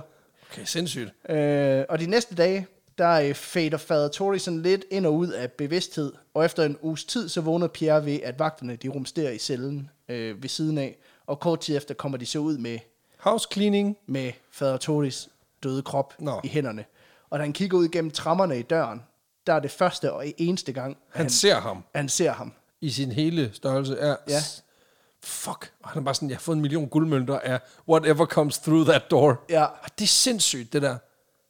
Jeg kan, jeg kan ikke forholde mig til det ægte nærmest. Altså, det er, sådan, det er helt syret. Det er fantastisk i hvert fald. Ja. Ja, ja, fuldstændig. Så nu er Pierre, øh, men altså, ja, det er pisse ligegyldigt, han har mange penge, når han er alene i spillet. Ja. Og det kan godt være, at ja, han har et kort til en massiv formue, men hvad fanden skal Han han sidder bruge det stadig til? på 3 kvadratmeter ja. Ja. på toppen af bjerget. Hans ven er lige død efter 12 år i fangenskab, og langsomt så begynder Pierre at komme ind i sådan en spiral, hvor han langsomt sådan forbereder sig på, at han skulle nok komme til at dø. Ja, fordi han har været der syv år nu, ikke? Ja. Men det. som du nok kan fornemme, så er der mange tilfælde, hvor Pierre han ikke får sin vilje. Øhm, Ja. Og sådan er det også her. Så han besluttede sig for, nu gider jeg ikke mere. Jamen, jeg Og så er for... verden sådan, det, det gider vi godt. Ja, Nå, fordi i foråret 1914, der bliver Paris invaderet af den her koalition af Østrig, Preussen, Rusland, England, Portugal, Sverige, Spanien og nogle tyske stater, øh, som han Frankrig fået har nok lig- af Napoleons ja. ja, pis. som har fået nok af Napoleons pis, de har ligget i krig med dem i cirka 10 år. Ikke?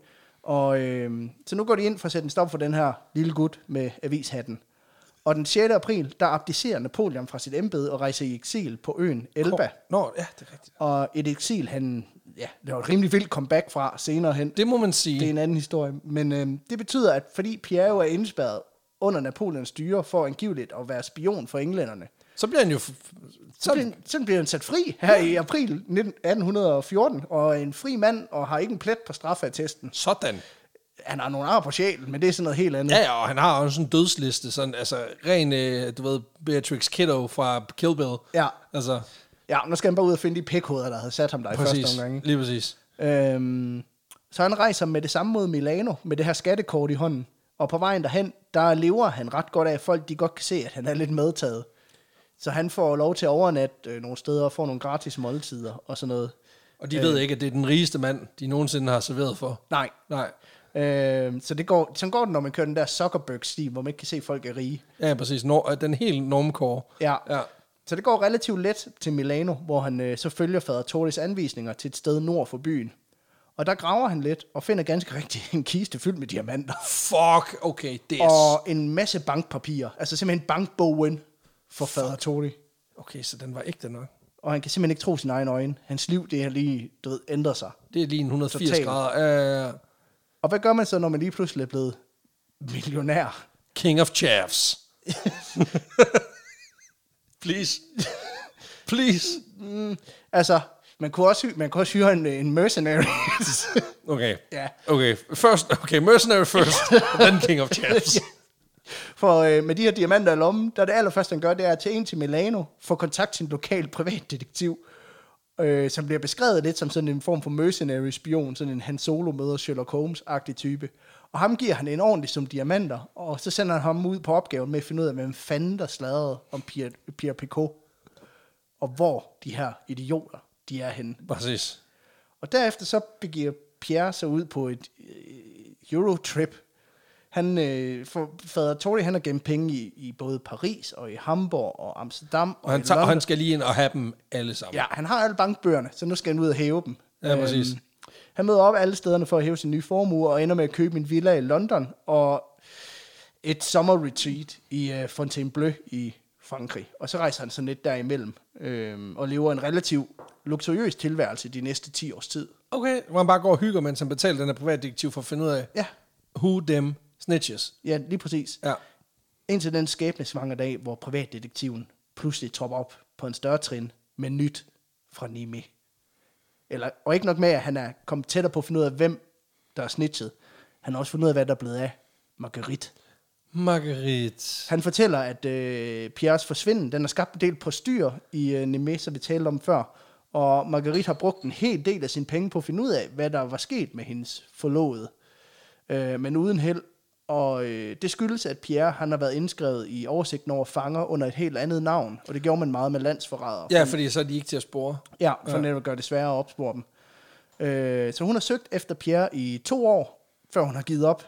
Det er også, altså, der vil jeg bare sige, det, det er okay. Det synes jeg også. Altså, med, øh, godt at move on. 24 måneder, den er, den er godkendt. Det synes jeg også. Ja.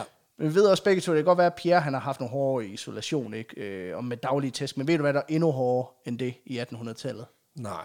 At være ugift kvinde. Ja, ja, selvfølgelig. ja, ja.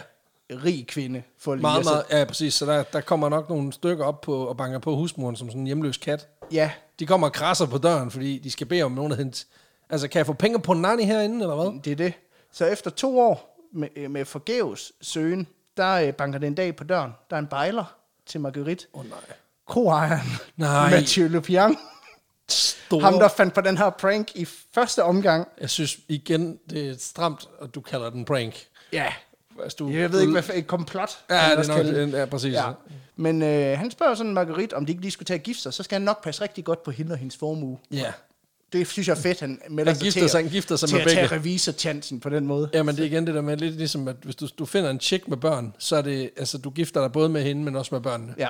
Og det samme her, jamen, jeg skal nok gifte mig med de 100.000 guldmønter også. Ja, det må jeg jo tage med.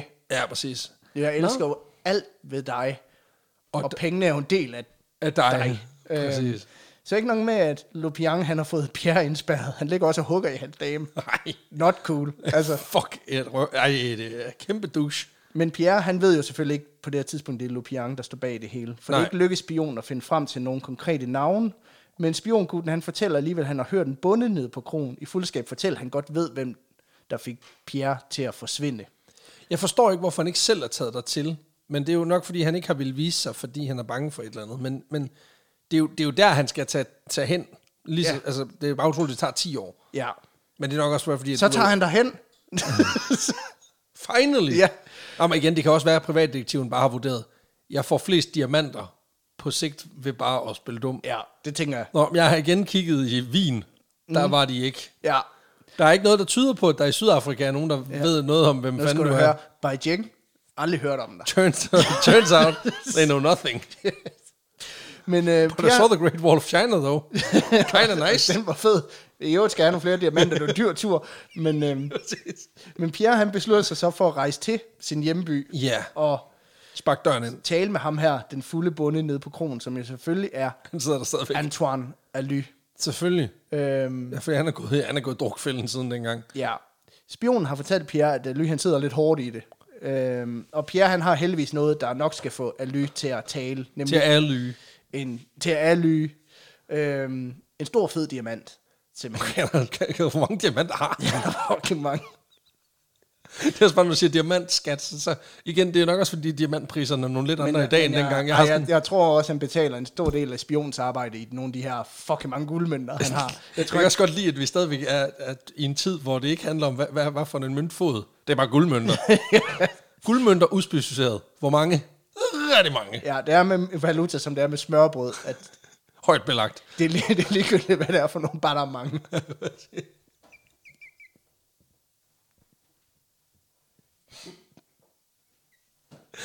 Okay. Du er så meget for herning, det er helt vildt. Men i slutningen af 1828, der vender Pierre Picot så tilbage til Nîmes for første gang i 21 år.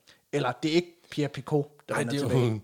jo Monsieur de Cabadai Caposjurata på Lagade. Det er, han har lånt den side i din bog og taget sig et alias. Selvfølgelig har han det. Abbe Bellini. Italiensk præst fra Milano og en meget holdmand af Wonder Woman har hentet den karakter hen. Men øh, Han har til gengæld været i 10 og købt overskæg, og så har han købt så stor vis med huller i. Som han har under armen. er det dig, Pierre? No, it's a me, Abbe Bellini. Men Picot, han øh, opsøger Antoine Aly. Han er meget heldig med, at han har forandret sig meget efter de, alle de her år i spillet. Jamen, det, og det, de det, 10 det, år, han så altså, levede i. det, det, det, altså 12 år med tørre tæsk, og så 10 år, hvor du bare spiser kaviar. Det gør noget ved Ja. ja. fysikken. Det er det. Altså, Men- Men, det er sådan, det er på en eller anden måde sådan en Christian Bale-diæt. altså, det er, sådan, det, det, er den, hår- det er den hårdeste diæt, du kan komme ud på. Men han opsøger Antoine Aly, der er på det her tidspunkt i gang med at drikke sin sover væk ned på kronen. Det er fedt nok, at privatdetektiven har været der for tre måneder siden. Han sidder der stadigvæk. Han Bare sætter, lige, han er bare sådan, prøv lige, prøv lige at vente et øjeblik. Prøv at blive hængende her. Og næste gang, der kommer en og spørger, så sig det, du sagde til mig. Ja. Prøv lige at blive siddende en gang, og så bare gå ud. jeg henter lige nogen. I'll be right back. og be here Giv mig, before lige, spring. giv mig lige tre måneder. Og det må godt blive en ting, at Ja. folk de begynder at sige, giv mig lige tre måneder. Jeg er tilbage lige om tre måneder. Øhm, Hallo, Robert, giv mig lige tre måneder. men han sætter sig ved siden af Aly og fortæller ham, at prøv at høre, jeg var indespærret i mange år i, i et fængsel, og en af mine cellekammerater var faktisk en gut her fra byen. En mand, der hedder Pierre Picot. Og øh, jeg tænker, han er smurt lidt tyk på øh, accenten, ikke for lige at get in character. Så det er mere sådan, mamma mia, jeg har været indespærret i mange år. Alt vi spiser var køtteben. Men da han nævner navnet Pierre, så kan han godt se, at Aly han reagerer på det. Øh, men hans mund, den er lukket. Med syv sejl. Ja. Øh, og så laver Pierre, eller Abbe Baldini, han laver den her klassiske crude cop med Will this help you remember? Og skubber den her diamant hen over bordet til Aly. Og der er Aly sådan, nej, det vil ikke hjælpe noget. Nej, er det rigtigt? Ja, han gider ikke sige noget. Hold da kæft, han Ja. ja. ved, at de der test, de er rigtig hårde. Ja, der er ikke noget, der får ham til at snakke. Men det er også fordi, nu er han jo ikke længere op imod, du ved, tre drukkammerater. Nu er han mod to drukkammerater, og så en revisor, ja. der har øh, 100.000 guldmønter. Ja. Og en, en smoke and hot babe. Yes, Så han har jo også råd til mercenaries nu. det er det. Ja, det, okay, jeg kan godt se det. Men hvis Aly han tog imod, så ville han også have råd til Mercenaries, fordi den her diamant, den er over 50.000 frank værd. Øhm, Og det er mange frank. og, Hold da øh, kæft, okay, Og shit. Pierre, han er tæt på at give op, fordi han, Aly, han vil fandme ikke have den her diamant. Uanset, altså, Man ved jo ikke, hvad det han skal er gøre dirty ved den. money, det er Jamen fandme. også bare, han er jo, han er jo fucking op, han er jo altså en, en, en nær ruineret landmand. Hvad fanden skal han med en diamant til 50.000 frank? Altså, han kan jo ikke omsætte den. Altså, jo, det kan han jo godt, men han får jo aldrig den fuld valuta for den. Nej, nej. Altså, men stadigvæk, jeg forstår, hvad du mener. Ja, men det kommer vi også til. Øhm, Nå, okay. Han prøver. Fordi at øh, Pierre han er lige ved at give op faktisk, da Antoine Alys kone lige pludselig kommer forbi hernede på krogen og får øje på den her diamant. Og er lidt Hun er sådan lidt, my best friend. sådan, hun er lidt sådan, hvad fanden foregår der? Og så siger Pierre, jamen din mand har lige sagt nej til en diamant til 50.000 frank, og så kigger hun bare over på sin mand og sådan, hold kæft, hvor er du dum, mand. Det er jo, hvad fanden, det er utroligt, du er så dum. Hun er så dum, Frank. Hvad fanden laver du? Og som den klassiske mand under tøften, så giver Antoine Al- Aly selvfølgelig køb på sin egen etiske overbevisning for at få ro derhjemme. Og så tager han imod den her diamant og giver Pierre de tre navne, som han har higet efter i alle de her år. Lupian, Solari og Chabert. Og øh, Jeg er ret sikker på, at Altså de tre doucheketeers. det er tre dusketiers, og jeg er ret sikker på, at det kommer som ret stor chok for Pierre på det her tidspunkt, at det rent faktisk er hans drukkammerater. Så der de, stod bag det her. tre, så de tre ultra jaloux assholes, som jeg efterlod den sidste aften, inden jeg blev kidnappet, Ja. var det dem all along? Ja, Tænk så. det er ham, der er gift med hende. Han var jaloux. altså, What? Jeg, jeg er ked at sige, det kan godt være, han er rig, men jeg er fandme også dum at høre på. altså, jeg ved ikke, om de der tæsk med andre har gjort et eller andet med hans kognitive evner, for han virker ikke som den skarpeste kniv i skuffen længere. ja, men jeg ved ikke, om han sådan kører det, det, det. Han må holde karakteren, tænker jeg. Altså, det må være sådan noget... Åh, oh, mamma mia! Oh, mamma mia! Altså, uh, da, da, da, da. Øhm, men, It's the doucheketeers! men så forlader Pierre Kron for at finde de her tre svin. Nå, Okay, han- kommer ulven. Ja, han finder ret hurtigt ud af, at Lopiang han har brugt nogle af Marguerites penge på at købe den allerstørste café og restaurant i hele Paris. Og øh, igennem den er blevet en meget holden mand, udover Nå, det, så, han, som så, hans kone det, så, det havde. hjælper, det- altså, så den der sådan historie om, at hvis du bare har penge nok, så kan du starte ting, der virker. Ja. Den holder stå og stik. Ja, dengang. ja. ja, ja selvfølgelig. Øh, så han Øhm. købte alle valle. Det er det. Og de to andre, Solari og Chabert, de er så fuldt i hælene på ham og er blevet stamgæster på restaurantens værtshus. Oh, okay. Så de tre, de holder ligesom sammen i, på den måde, at de, de er kunder ved ham, ja. og han tjener fucking mange penge på dem. ja, ja, selvfølgelig. Så Pierre, han rejser til Paris, forklæder sig som en ældre tjener ved navn øh, Joseph Lucas, øh, tror jeg det udtales. Og, da han med, og så møder han simpelthen op i caféen for at søge arbejde. Øh, Nu er det undercover boss. Ja. Øhm, og øh, hverken Mathieu Lupian eller Marguerite kan kende ham, da han kommer ind. Nej, Øhm, det er fordi, han har fået tæsk. som jo, øh, Josef her. For i mellemtiden, der er der jo gået de her 21 år, ja, i tiden i fængslet og ældet ham ret betydeligt. Så i stedet, så ser de bare en gammel stakkel, der mangler et arbejde og en skilling. Så de ender med at ansætte ham i restauranten for 300 frank om måneden. Øhm, og fra her, der kører tingene sådan lidt ud af en tangent.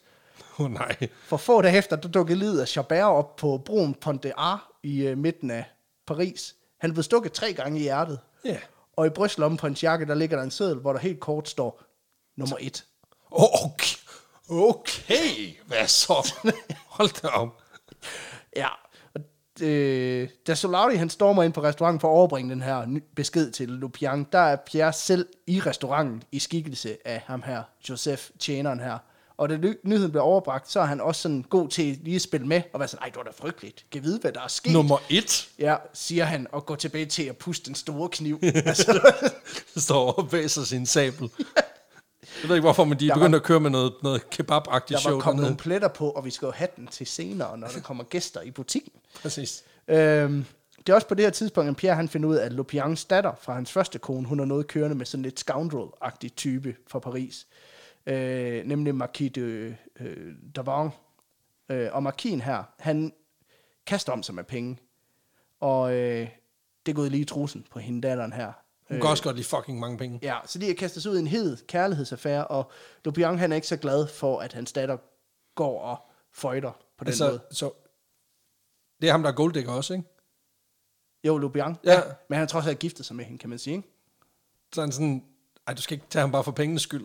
Nej, det er mere det der med, at de boller uden for ægteskab, han Nå, har Nå, et problem med. Det er okay, ikke så ja. meget pengene, tror jeg. Okay. Øhm, Ej, fordi det ville være dobbelt moralsk og forkert. ja. Ja. Det, som Lopiang ikke ved, det er faktisk, at Marquis de Davang, han har, har en lidt blakket fortid som, øh, som kriminel. Og jeg ikke helt kunne finde ud af, hvad han har gjort, men det er i hvert fald ret slemt. Okay, okay. Øhm. okay. Fordi at der er meget, der pe- peger på, at det her Marquis de Vang, det er simpelthen et dæknavn. okay. Så, han er, så han er nødt til at skifte identitet. Ja, Men han har mange penge. det er det. Ja, Så det kan være, at han du ved, er gået hjem en aften fra en, fra en hyggelig aften i byen, og lige pludselig så er der blevet smidt en sæk hen over hans hoved, og han er endt i en drosje, og lige pludselig så er han på toppen af et bjerg, og graver han sig ind til sin nabo, det viser sig, at det er en præst fra Milano, som har sygt mange penge. Ja. Ja. Og inden han ser sig om, så øh, får han overgivet hele formuen, og så, ja, you, you know the Ja, rest. lige så det præcis. kan også være, at det var sådan. det Det, kunne være, det var sådan. ja, præcis. Men, Hvem Men det er ved? sikkert slemt, det han har gjort. Ja, til gengæld så bliver Lopiang rigtig glad, da han pludselig hører, at øh, ham her Marquis de øh, Davang nu endelig har friet til hans datter. Sådan. Scoundrel in the bag. Så de sender nogle save the date breve ud, inviterer alle vennerne, særligt øh, Lopiangs for, forretningsforbindelser, til det her bryllup. Og Markin, han lover at betale for hele gildet. Ja, tak. Men da dagen oprinder, og datteren står klar ved alderet, så dukker der ikke nogen gom op. Øh, I stedet oh. så Åh, det Dukker- er fucking sygt, det der. I stedet så dukker Pierre i skik- skikkelse af Joseph op med et brev, som han overdrager til Lopiang. Og i det brev, der står der, at Markin, han kunne sgu ikke lige komme i dag. Fordi øh, fuck dig. Hashtag ghosted, bitch. Ej, hvor er det sindssygt. Han havde lige et møde med kongen, og det kunne ikke lige flyttes. Okay, sindssygt. Øhm, og Lubian er lidt sådan, det er sgu fair nok, han ikke møder op til sit eget bryllup, fordi Kongen. han skal op og mødes med kongen, ikke? Øhm, så han blev gift in absentia, fordi det, Det kunne- kan man det åbenbart. kan man åbenbart. Jo, men det er lidt ligesom det der med, at man kunne vist nok godt giftes. Er det ikke i Frankrig, man godt kan blive gift med nogen, som er døde? Ja, Hvis man har en aftale om, at de er... Hvis I for eksempel er nogen, der er døde mm. af en sygdom eller dør i, i krig, Ja. ja. så kan man godt blive gift, altså for at post sikre mortem. arv. Og Ja, men også for, sikkert også. Ja, Ja. for kærligheden. Øh, Ja, ja. Men, det- så, så der er sikkert sådan noget, men gift in absentia, den er også. Jamen, Jamen, altså, det, det især, skete, hvis det er mod din vilje. det skete i, øh, faktisk i, øh, i det danske kongehus også. Jeg mener, det er... Øh, åh, var det dronning Louise, der blev gift i en, en absentia også? Jeg ved det ikke. Det, Ja, det- måske. Men igen, det er brun ost til dig, hvis du har ret. Ja, at de... Øh, men det kan du åbenbart. Du, kan bare, sådan, du behøver ikke engang møde op på et Zoom-møde eller noget. Der er bare en, du sender bare en eller anden, der kan sige ja på din vej. Jo, men det, jo, men det gjorde de jo faktisk. Det var det samme ja. med Solkongen og Man- Maria Antoinette. De blev jo også gift af, by, by proxy. Ja. Altså, hvor hun var i en kirke i Prag. Og så, jeg ved ikke, om de ringede eller gjorde et eller andet. Og så havde de bare stået ligesom og holdt den, holdt den kørende indtil den var Ja, det den ved var jeg hjemme. ikke. Men, øh, men efterfølgende, så kaster øh, ballet sig over den dyre vin og den lækre mad, som øh, Mathieu Lopiang, han har bestilt på Markins regning, selvfølgelig. Ja, selvfølgelig. Og, men da de når til desserten, så er der sgu ikke nogen islagkage med dejm, som der ellers var planlagt. Som var bestilt. Øh. Øh, I stedet så får de en øh, marco de papir, eller en lap papir på desserttallerkenen, hvor der er oprenset alle de forbrydelser, som Lupians nye svigersøn han har begået. Og så, okay, så nu er det festen også. Ja. Hvad fanden er det her? Øh, og derudover, så står der også på det her papir, at øh, han simpelthen er flygtet ud af landet, Markin, fordi politiet er begyndt at komme efter ham, fordi han er blevet angivet. Og kort tid efter, så stormer en gruppe uni- uniformerede øh, betjente ind til det her bal for at arrestere Markin, der jo så ikke er der. Øh, det er simpelthen Pierre, der har angivet svigersønnen for at udstille og håne Lupiang og hans datter på den her bryllupsdag. Ej, den er også bare lige i selvsliden. Ja, han er simpelthen swattet, det her bal. øhm, Det, det, jeg ved ikke, er det for snæver til, at vi er nødt til at forklare, hvad det er? Øh, at swatte, det er en, nogle gange så er der jo folk, der livestreamer på nettet, at de sidder og spiller. Og ja. Ja. i USA var der en uheldig tendens til på et tidspunkt, at man ringede til, Til politiet. til politiet og, og Sagde, sagde, der var en, altså en, en gisselsituation. hos ham livestreameren, for at du så kunne se på livestream, at SWAT-teamet kom ind. bare, bare væltet dørene og hele lortet. ja. Ja. og det er jo præcis det samme, han har gjort her. Okay, det er, øh, det er sygt nok. Og angiveligt så kommer det her så, som så stor en overraskelse for datteren, at hun simpelthen besvimer og dør få dage efter af chok. Chok. Hold da op. Jeg øh, tror jo, at det, altså, at datidens ekvivalent til at blive swattet, det hedder at blive gendarmed. Ja, det kan godt være. Ja. Øhm, men det er en rigtig ting, også at dø af chok, selvom det lyder Ja, banalt. ja, nej, nej, men det, den er jo god nok. Ja, forestil dig det, du har ledet dig sygt meget ind i kastanjemanden, og så er du bare sådan, what, er der ham en klamme, der er morder? Og så er du bare, ah, another victim. Altså, hvor det er sådan...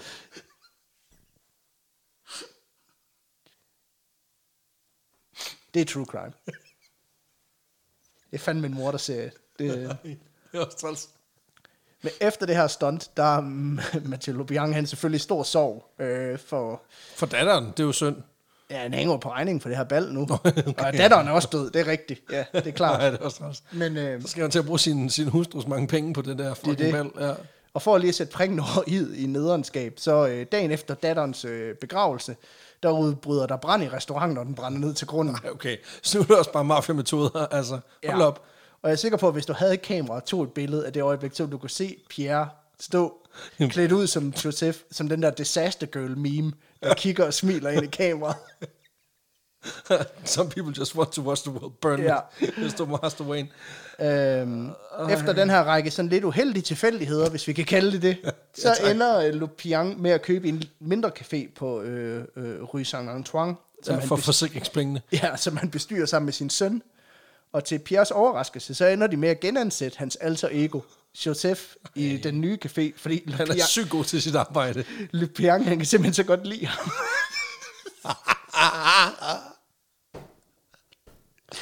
Det er, også, det er også for galt, men det er også meget grineren. Ja, og det er Pierre jo enormt glad for, og han takker selvfølgelig mange gange, mens han gemmer lighteren og tændvesten om på ryggen, ikke? Og øh, der går ikke lang tid, før disaster strikes igen. Tænk sig, to gange. Ja. Hvem, hvem fanden glemmer os at slukke frityren og bare putter, altså kom til at smide tændstikker ned i den, det er også dumt. Ja, men Solari, den anden af de her resterende to psycho pranksters, øh, han plejer nemlig altid at besøge Lupians café om aftenen til en kop te og en lille måltid. Men en aften kort tid efter, de flyttede ind på den her nye café, øh, på den nye adresse, der får Solari lige pludselig meget ondt i maven, efter han har spist der. Ej, Så ondt i maven, han er faktisk nødt til at gå hjem, uden at spise færdig. Nå. Om morgenen, der finder man ham simpelthen død i sin lejlighed. Og i brystlommen har han en lille seddel, hvorpå der står, nu, Dø. nu må du dø. hold da op. Ja, Shit, det er så... Altså, problemet er jo, at vores, vores, lille, vores lille ven, Pico, han er jo blevet psykopat. Ja. Altså, det, det, er, jo, det er jo 100 procent. Han er fordi, blevet, øh, fordi man kan ikke køre så langt en gambit her, uden at man er psykopat. nej. Altså, fordi der vil også være et tidspunkt, hvor du tænker, ej, det er også rigeligt nu. Nu, nu, nu tager jeg overskægget af, lægger avisen med hullerne i, og så siger jeg, det er mig. Fuck dig. Nu dræber jeg dig. Ja, Jeg jeg siger ikke, det er ikke også så sindssygt, men, men det her, det er sådan... Det er Det- bare sadistisk på jeg har et lidt helt på nyt fornemmelse, at plan. han har gået og planlagt det i de der 10 år. Ja, det er selvfølgelig rigtigt. Øhm, og han måske ikke rejse tilbage til byen med det samme. Det er sådan, altså kronologien er lidt... Jamen, det er også, øh, det, problemet det er, han har i 12 år siddet i den der fængselscelle, mm. udtænkt kreative hævnmotiver, men han har skulle gøre det meget bredt, fordi han ved jo ikke, hvem det er, der har gjort det. Nej. Så han er sådan lidt, hvis de nu har en restaurant, så tænker jeg at gøre det her. Ja. Og så viser det sig, at han har lagt en, en eller anden skudsikker plan, men det viser sig, at ham, der har fucket ham over, han er ikke er jagtmester i, på nogle jorder uden for, uden for Marseille. Åh, oh, fuck, nu har jeg lejet Pis. en, nu har jeg lejet en drage, mand. Ja, præcis. Nu har jeg planlagt det hele efter, der var syv, Ja. ja. der skulle slås ihjel. Nu bliver jeg nødt til at... Ny plan, ny plan. Ja. Giv mig lige 10 år. hey, giv mig lige 3 måneder. Men øh, faktisk efter det her mystiske dødsfald, gifte dødsfald, der øh, ender Lupiang med at blive arresteret for simpelthen at have forgiftet Solari, men bliver løsladt kort tid efter, fordi de mangler beviser. Ja. Øhm, og igen, så arbejder Pierre jo bare videre i caféen som tjeneren Joseph, og det har han gjort i mange år på det her tidspunkt. Ej, Det er også, det han kører den virkelig langt. Øh, og de, men de kan også godt mærke lidt på klientellet. Der begynder at gå rygter i byen, om man dør af spismaden på restauranten jo. Øh, og det går lidt ud over antallet af kunder. Jamen, der, igen, man kan vente om at sige, der er ikke sindssygt mange, der når at skrive noget på Trustpilot, inden de, Nej. inden de skal herfra, kan man sige. Men øh, derfor så ender Mathieu Lupian øh, og Marguerite og deres teenage-søn med at flytte ind i lejligheden, der ligger over restauranten, for lige at spare nogle penge. Fordi de er faktisk begyndt at blive lidt... altså, han, er ved at, være- han er ved at have brugt hele arven. Ja. Og øh, Joseph, eller Pierre, han, øh, han, er jo, han får, har faktisk lov til at gå frem og tilbage i den her lejlighed, sådan som han lyster. For gennem den seneste svære tid, der er han altså gået fra at være en rigtig god bekendt til at blive en ægte kammerat. Øh, Han er en marker. han er simpelthen blevet en ven af huset, der kan komme og gå i den her øh, nye lejlighed om på øh, restauranten, som, som han lyster. Ej, Og så er de bare lukket ulven hen. Og en af de kunder, der dog stadigvæk kommer af og til i caféen, fordi han har et death wish, øh, åbenbart, det er den lokale guldsmed. Ja. Og hver gang han kommer, så bliver han ekspederet af Lupians søn, der arbejder i restauranten. Og guldsmeden her, han ved godt, at familien de har været igennem lidt af hvert, og det begynder at være lidt trængt Ja. med økonomien. Og derfor så vil han gerne give dem en lille, En lille skilling som tak for godt arbejde. han kan gøre dem en lille tjeneste for i hvert fald at hjælpe Sønneke godt på vej i livet. Ja. Så han tilbyder drengen, at han kan komme i lære hos ham og lære Og være guldsmed. og være være guldsmed og lære et håndværk, og på den måde skabe sig en, En ny karriere. ja, en bedre fremtid, i hvert fald at overtage en gnollet café i, i Paris. Med nogle meget questionable hjælp reviews. nogle meget sure smileys, fordi der er gift i maden. ja, præcis. Øh, og det siger Mathieu Lupians entusiastisk ja til, ja. Ja. selvfølgelig. Selvfølgelig. Så drengen her, han starter i lære og er god til det, og han bliver øh, lynhurtigt faktisk virkelig, virkelig god ja. Ja. øh, guldsmed. Og Pierre, som Joseph, han kommer faktisk ofte nede hos guldsmeden for lige at tjekke op på, hvordan det går med drengens læring. Han er jo blevet ja. en ven af huset. En, Ja, ja, ja. en rar gammel mand, som de kender, ikke? Åh oh, nej. Og nu skal man tro, det så helt så lyst ud for familien Lupian. Han har dem lige, hvor han kan have dem. Ja. Ja. Den syge stodder. Han havde en sidste trumf i ærmet, Pierre. Eller, det er ikke rigtigt. det er ikke rigtigt en triumf. Han har, jamen, det er mere bare...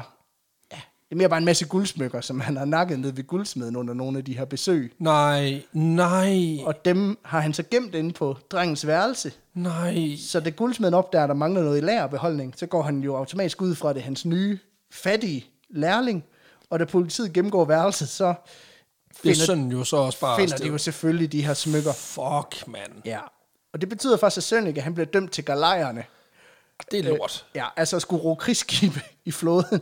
Og hvis man synes, romaskiner er hårdt, så forestil jer det hele tiden hver dag. Sygt træt i armoren. Fucking nederen. Men det er præcis det, som Pierre Picot han havde håbet på. Ja. Så sønnen, han får simpelthen en, altså en ufrivillig cr- CrossFit retreat. Ja. Resten af livet. Ja. Ja. Præcis som Picot har været på et ufrivilligt retreat med all inclusive. Nej, nothing inclusive.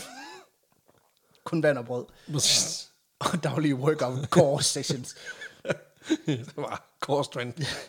Men faktisk, så er det øh, Pierre selv, der overbringer den tragiske nyhed om søndens straf til Marguerite, fordi hun har ikke selv kunne overskue rent følelsesmæssigt og med op i retten. Nej, fuck. Øh, så i stedet, så, øh, så har han været til stede sammen med, øh, hvad hedder han, med Mathieu, men han er så gået ud for at drikke nogle af soverne væk efter den her afgørelse. Ja. Ja. Så det betyder, at nu kan Pierre gå ind til Marguerite som søde, rare Joseph, Gamle Josef. en god og trøstende ven af familien, lægge en Nej. hånd på skulderen Nej.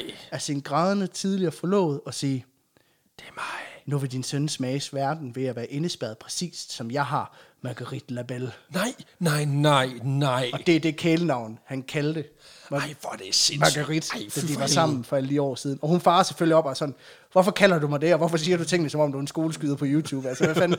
okay. okay, okay, okay, okay, what the fuck, dude? That shit escalated Og han er way lidt too sådan, quick. haha, det er mig, Pierre. Og så tror jeg, han tager, han tager hatten op og overskægget af, måske, jeg ved det ikke. Øhm, og hun er lidt... En, en, en laverbær. Høj hat han op på. og hun er Lige lidt siden sådan, romertiden. hun er sådan, uh, hat det der, uh, hat det der, og så besvimer hun simpelthen. Ja, det er også for meget. Det er meget på en dag. Ja, fordi selvfølgelig gør hun det, fordi alle kvinder, de doner på det her tidspunkt, når de får overløbet dårlige nyheder. Skulle lige åbenbart. til at sige, den er også, den er også, altså den er især klassering, den ja. Ja. her nyhed. Men hun skal, altså, det var et stort chok, men det var ikke så stort chok, hun døde af det, kan man sige. Men det- Og Den er også svær, ikke? Balancen, den ligger lige, den er hårfin, den her. ja.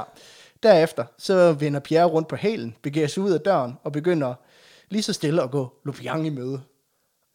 Og øh, for Lupiang, han er, jo- han er på vej hjem fra kronen på Druktur. det tidspunkt. Øh, Så han går og læner sig lidt op ad husmurene for lige at, ja, at, få, at få genvinde balancen. det er det, og de støder på hinanden på en sti tæt ved scenen. Nu siger du, støder på hinanden. Er det så nærmest en, altså støder ind i hinanden? Ja, altså jeg tror mere, det er sådan en, hej Josef, Hey bro, hej Mathieu, træls med din søn. Ja, i øvrigt så, øh, ja. jeg har jo lavet et nyt move til floor. Vil du se det? Den hedder step dance. ja. Og igen, så kører Pierre sådan lidt det her, jeg trøster dig. Psych. Akt. Ja, præcis. øhm, fordi han stikker ligesom hånden frem og sådan, jeg kan kun forestille mig, hvad det er, du går igennem. Du ved, nu du ingen penge har, og nu hvor din datter er død, og din søn han rådner op i galejerne, og dine kammerater Solari og Chabert, de brænder i helvede. Hvad synes du? Er min hævn hård nok? Øh. okay, det er, det er Og sindssygt så, nok. og så laver han igen den der, ha ha ha, det er mig, Pierre. Med laverbærhatten. Og, ja. Præcis. og så stabber han simpelthen Lupian lige i brystet. Præcis, der kom, der kom det sidste move, så flækker han det floor. Ja, der falder Lupian om og dør på gaden i Paris. Ja. Og, men inden Pierre han overhovedet når at hovere, Nej. så bliver alt mørkt for øjnene af ham, og han kan mærke, at han igen har fået en sæk over hovedet, og er blevet kastet i jorden og bundet om hænderne. Nu stopper du. Er, er, det her- er det her fucking prank, eller hvad? Kommer der nogen med en sæk nu, eller hvad? Kom og hold ham nu, hun er jo lige blevet enke. Præcis. Nej, det mener du ikke. Er det rigtigt? Ja, og da Pierre han kommer til sig selv, så befinder han sig igen i et lille stenlokale. Nu stopper det her. Det drypper fra loftet, og på temperaturen kan jeg mærke, at han befinder sig et eller andet sted nede under jorden. Men hvor? Pludselig så går døren op. Han er sådan, den er jeg har jeg lejet før, men jeg gider ikke mere. Nej, Han er også 60 på det her tidspunkt, eller sådan noget, altså. jeg kan banke koden til gengæld, så vi kan få vores samtale Få op og mig køre. fucking ud nu. Jeg gider ikke mere. I have diamonds, come on. I have diamond money. Ja, præcis. og han kigger sådan rundt i lokalet, og pludselig så går døren op, og Pierre han står ansigt til ansigt med hans kidnapper. Et ansigt, han ikke har set i mange år på det tidspunkt. Ikke siden han spillede præst og bestak manden med en ædelsten tilbage i Neymar. Fordi det er Antoine Aly, der har Så kidnappet. for satan. Og Pierre han er selvfølgelig sådan, Antoine, hvad er det dog, du gør, og hvorfor? Og Alyt, han kører den der klassiske superskurkesnak, du ved den der, you and me, we are not so different. For han forklarer, teknisk set, så er jeg din medsammensvorene, fordi jeg har forrådt mine tre venner og sat dig på det spor, der har bragt dig hertil, hvor du har slået dem alle sammen ihjel. Ja. Jeg solgte ædelsten til en juveler, som snød mig, så jeg slog ham ihjel. Ja. Så jeg flygtede til Grækenland, hvor min kone døde i eksil. Ej, okay. Og siden den dag, der har jeg svoret, at hvis jeg så fader Ab- Ab- Ab- Abbe Baldini igen, så ville jeg slå ham ihjel, for at nogensinde har givet mig den sten. Imagine my surprise, da jeg fandt ud af, at fader Baldini ikke findes, og der heller ikke findes nogen gravsten med Pierre Picots navn på. Så lavede jeg jo ligesom to og to sammen, og så satte jeg mig for at finde frem til dig. Så nu er det bare hævn. Inception. Ja, det er meta Hævnception. Hævn i anden. Det er også træls. Ja, så Ly han er sådan, så er jeg kommet for at straffe dig for alt, hvad du nogensinde har gjort. Og han er sådan lidt, prøv at høre. Stopordet er stop. Jeg Ja. gider ikke nu. Jeg har taget de core workouts. Jeg skal ikke mere. og Pierre han forsøger selvfølgelig at forhandle med Aly. Han Jeg har tilbyder, flere diamanter. han tilbyder ham penge og ædelsten, men det er Aly slet ikke interesseret i. Han er sådan lidt, Nej. Prøv at høre, jeg kender den bedste juveler. Ja, det ved jeg godt. Ja. Ham nede på hovedgaden. jeg ikke? vil kun have fucking revenge. Ja, Altså. præcis. Okay, hvis vi nu kan lege, kan, hvis jeg kan købe et forspring, så, så løber jeg, og så, så kan du jo løbe, hyre nogen til at løbe efter mig. Kan det noget? Men det er blandt andet sådan noget med, at, øh, at Aly, han, øh, han spørger sådan, om han er sulten, og sådan, sådan så er Pierre sådan, ja, det er han faktisk. Nå, hvad vil du give for, hvad vil du give for maden, og mad og brød, eller vand og brød? Så er han sådan, jamen jeg vil give øh, helt, øh, øh, k- Tusind kæmpe, guld. kæmpe so, øh, Tusind guldmønter. summer, og så er Aly bare sådan, nej, det får du ikke. okay. og det er det, der hedder antisalg. Og det, øh, Så vil man virkelig gerne have det. Ja. Det er nærmest som om, at maven den, den kæmper, fordi den gerne vil have noget mad. Ja, men øh, Aly han kører super skur, øh, skurkestien helt ud og går jigs over på den, for han smider lige en kæde om benet på Pierre, snor den om livet på ham og binder den fast i den ring i væggen. Og så går han ud af det, der senere viser sig at være en forladt kælder under Paris, og smækker døren bag sig, og jeg tænker, han siger game over og lukker. Nej, og, s- Øh, nej det er, ikke, er det rigtigt? Ja, men Pierre han begynder at genopleve alt det, han øh, har gået igennem på det her tidspunkt. Altså hans tid på fortet Nå, okay, vender så det, tilbage. For jeg tænkte, det du sagde nu, det var, og så skete der ikke mere slut. Ja, men det, der sker lidt mere. Øhm, det vender tilbage til ham, han skriger, han råber i håbet om, at nogen de kommer og redder ham, men i Alys ke- celler, no one can hear you scream. Ej, fuck. Ej, hvor er det, ej, hvor er det skrækkeligt, altså. Da Aly han vender tilbage to dage efter, så er det lidt en anden Pierre, han er lidt mere humble. Han er lidt mere mør i den, ikke? Ja, shit, mand. Ja, øh, øhm, og så sætter Aly sig igen på hug og siger meget sådan, vil du have noget vand? Det koster 1000 guldmønter. Og Pierre han beder ham sådan pænt om bare, fuck af. Fordi han bare sådan, så lad mig dog dø. Lad mig dø i fred. Lad mig dø. Prøv at høre. Du får ikke noget ud af mig mere. Og hver dag i en uge vender Aly tilbage for at provokere Pierre til at betale ham øh, øh, Penge for altså, vand. for simpelthen at høre om, kunne jeg tænke dig at betale penge? Og de tilfælde, hvor han så siger, ja okay, så lad gå, så han siger, Så- nej, du må ikke få det.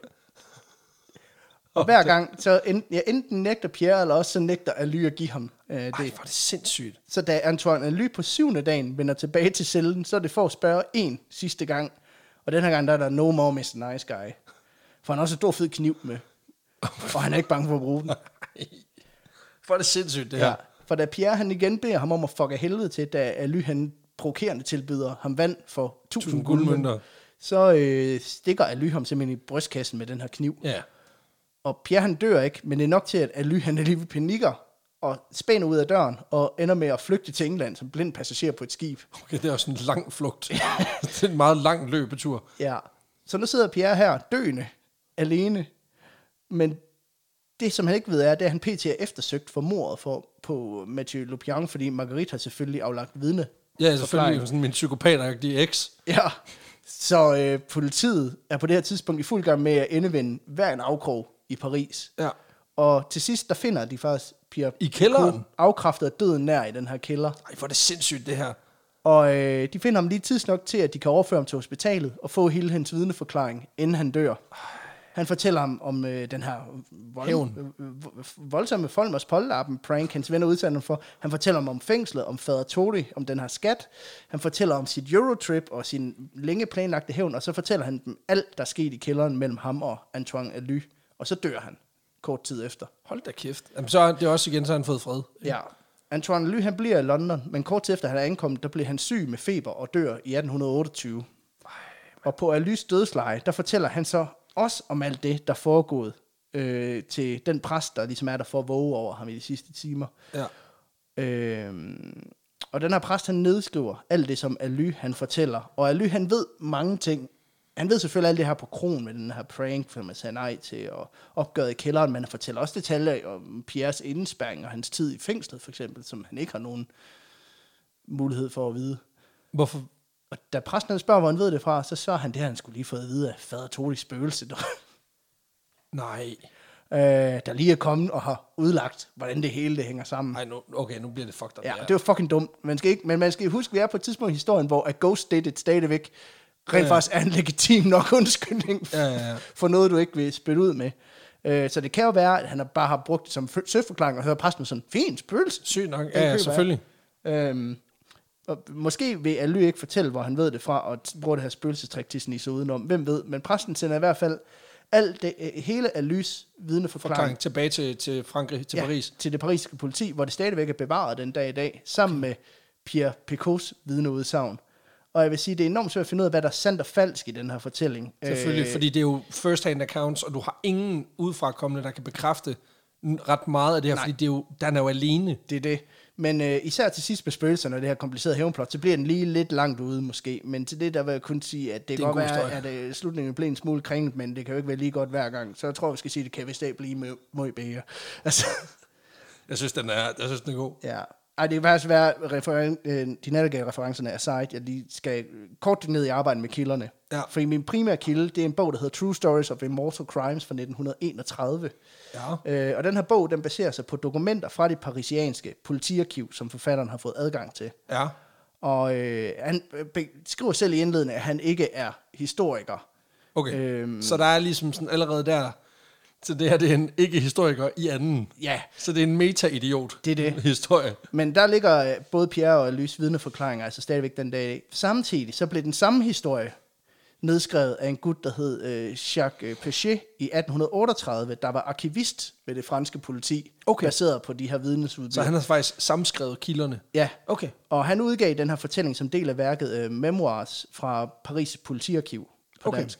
Og jeg synes, der er noget i det her med, at to forfattere ud fra de samme dokumenter ligesom kan udlede i hovedtrækkene den samme historie. i At hvert det fald. giver lidt kredibilitet, som, ja. Ja. som, som du tænker er styrker den en lille smule, i hvert fald i forhold til, at det er du ikke det. selv har Og jeg kunnet har få så materialet. lånt, jeg har lånt nogle detaljer fra den her True Stories of Immortal Crimes, øh, hvor der helt sikkert er et element af fiktion og noget tolkning. Ja. Men den er også enormt detaljerig. Ja. på en måde, som jeg tænker ikke vi kunne lade sig gøre uden i hvert fald, at han har læst de her dokumenter ret grundigt. Ja, tak. Øhm, men igen, så er det, er det et gennemgående problem. Det er enormt svært at finde ud af, altså, hvad der er fact og fiction i det her. Ja, tak. øhm, og man kan ikke vide, hvor mange dramatiske friheder, der er blevet taget sig fra nogle af de her forfattere. Så jeg har brugt det, jeg ligesom kunne bruge i Det historien. var det, der var til engelsk. Ja, og så vil jeg sige, at det, ja, man skal nok lige tage det med et gran salt, men øh, dog så kan vi bekræfte, at Pierre Picot han eksisterede, at han var indespærret, og at han på en eller anden måde hævnede sig, da han kom ud. Ja. Så Så, så hvor rig han var, og hvor meget overskud. Og hvor, ja, hvor ja. fantastisk historien er blevet efterfølgende, kan vi ikke helt vide. Nej. Men den her memoirbog, som ham her, øh, Jacques Pechet, han så skrev, den faldt senere i hænderne på øh, Alexander Dumas, Som tænkt. som blev meget betaget af Historien. Ja, faktisk så meget, at den øh, er nævnt i appendixet til Greven af Monte Cristo, som den Selvfølgelig. primære inspiration til værket. Øhm, og det var sådan set historien. Historien. Hold da kæft, en, fed- en vild historie. Shit, mand. Fantastisk. Ja, en historie, som, altså, jeg vil, gerne, jeg vil gerne lige stresse det her med, at den jo er fantastisk, og den er nok også blevet bobbet lidt op med årene. Men stadig. Men jeg har virkelig prøvet at finde andres udlægning, og folk, som har refereret tilbage til de her Lige øh, præcis. politiarkiver, som jo er den, den bedste kilde, og det er jo baseret både på Pierres og Alys øh, vidneudsagn. Så der er i hvert fald nogle ting, hvor hvis det går igen i begge vidneudsagn, det kan være relativt sikre på i hvert fald. Lige præcis. Men tusind, tusind tak, Peter. For helvede en god historie. Jeg synes jeg også. Den er, det var, det var Greven af Monte Cristo er også værd at anbefale, hvis det er. lige præcis. Ej, det, det er virkelig godt. Hold da kæft. Fantastisk. Vi skal have den rangeret på vanvidsparametret. Ja. Øhm, og vi har vores fem kriterier. Vildskab, lol-faktor, uniqueness, indflydelse og Extra spice. Spice. Og jeg vil gerne starte. Vildskab, hvor vild er historien? Jamen, du tog noget jo ned, for jeg var, jeg var jo for 10 minutter siden var jeg på en, en 10'er. Ja. Nu er jeg på en 7'er, og det er simpelthen minus 3 på grund af usikkerhederne. Ja. Så Så jeg det giver synes den en jeg syver. er øh, totalt legit. Ja. Øhm, Så det der er jeg. og det er, jo, det er jo det, der er enormt svært ved at behandle en historie som det her, hvor at det er baseret på ting fra et arkiv, hvor man ikke har set dokumenterne selv, men Præcis. det er Præcis. andres udlægning af det. Og samtidig så øh, er det blevet en form for levende legende, og dem har vi jo dækket nogen af før. Og jeg synes bare i hvert fald, det er vigtigt at deklarere det. Der, ja, om ikke andet, så det der med, at hvis, altså, min tilgang til det, når det er den type historie, ja. det er jo det der med at sige, okay, der er rigtig, rigtig mange af den her forklaring, det virker far out, kan jeg finde noget, der indikerer det modsatte? Mm. Altså, så man ligesom prøver at falsificere Ja. et, et handlingsforløb. I øvrigt kan jeg sige, at alle datorerne passer med, for eksempel når han bliver befriet, Ja. øh, at så passer det med, med øh, Napoleons fald og, Ja. ja. og det her.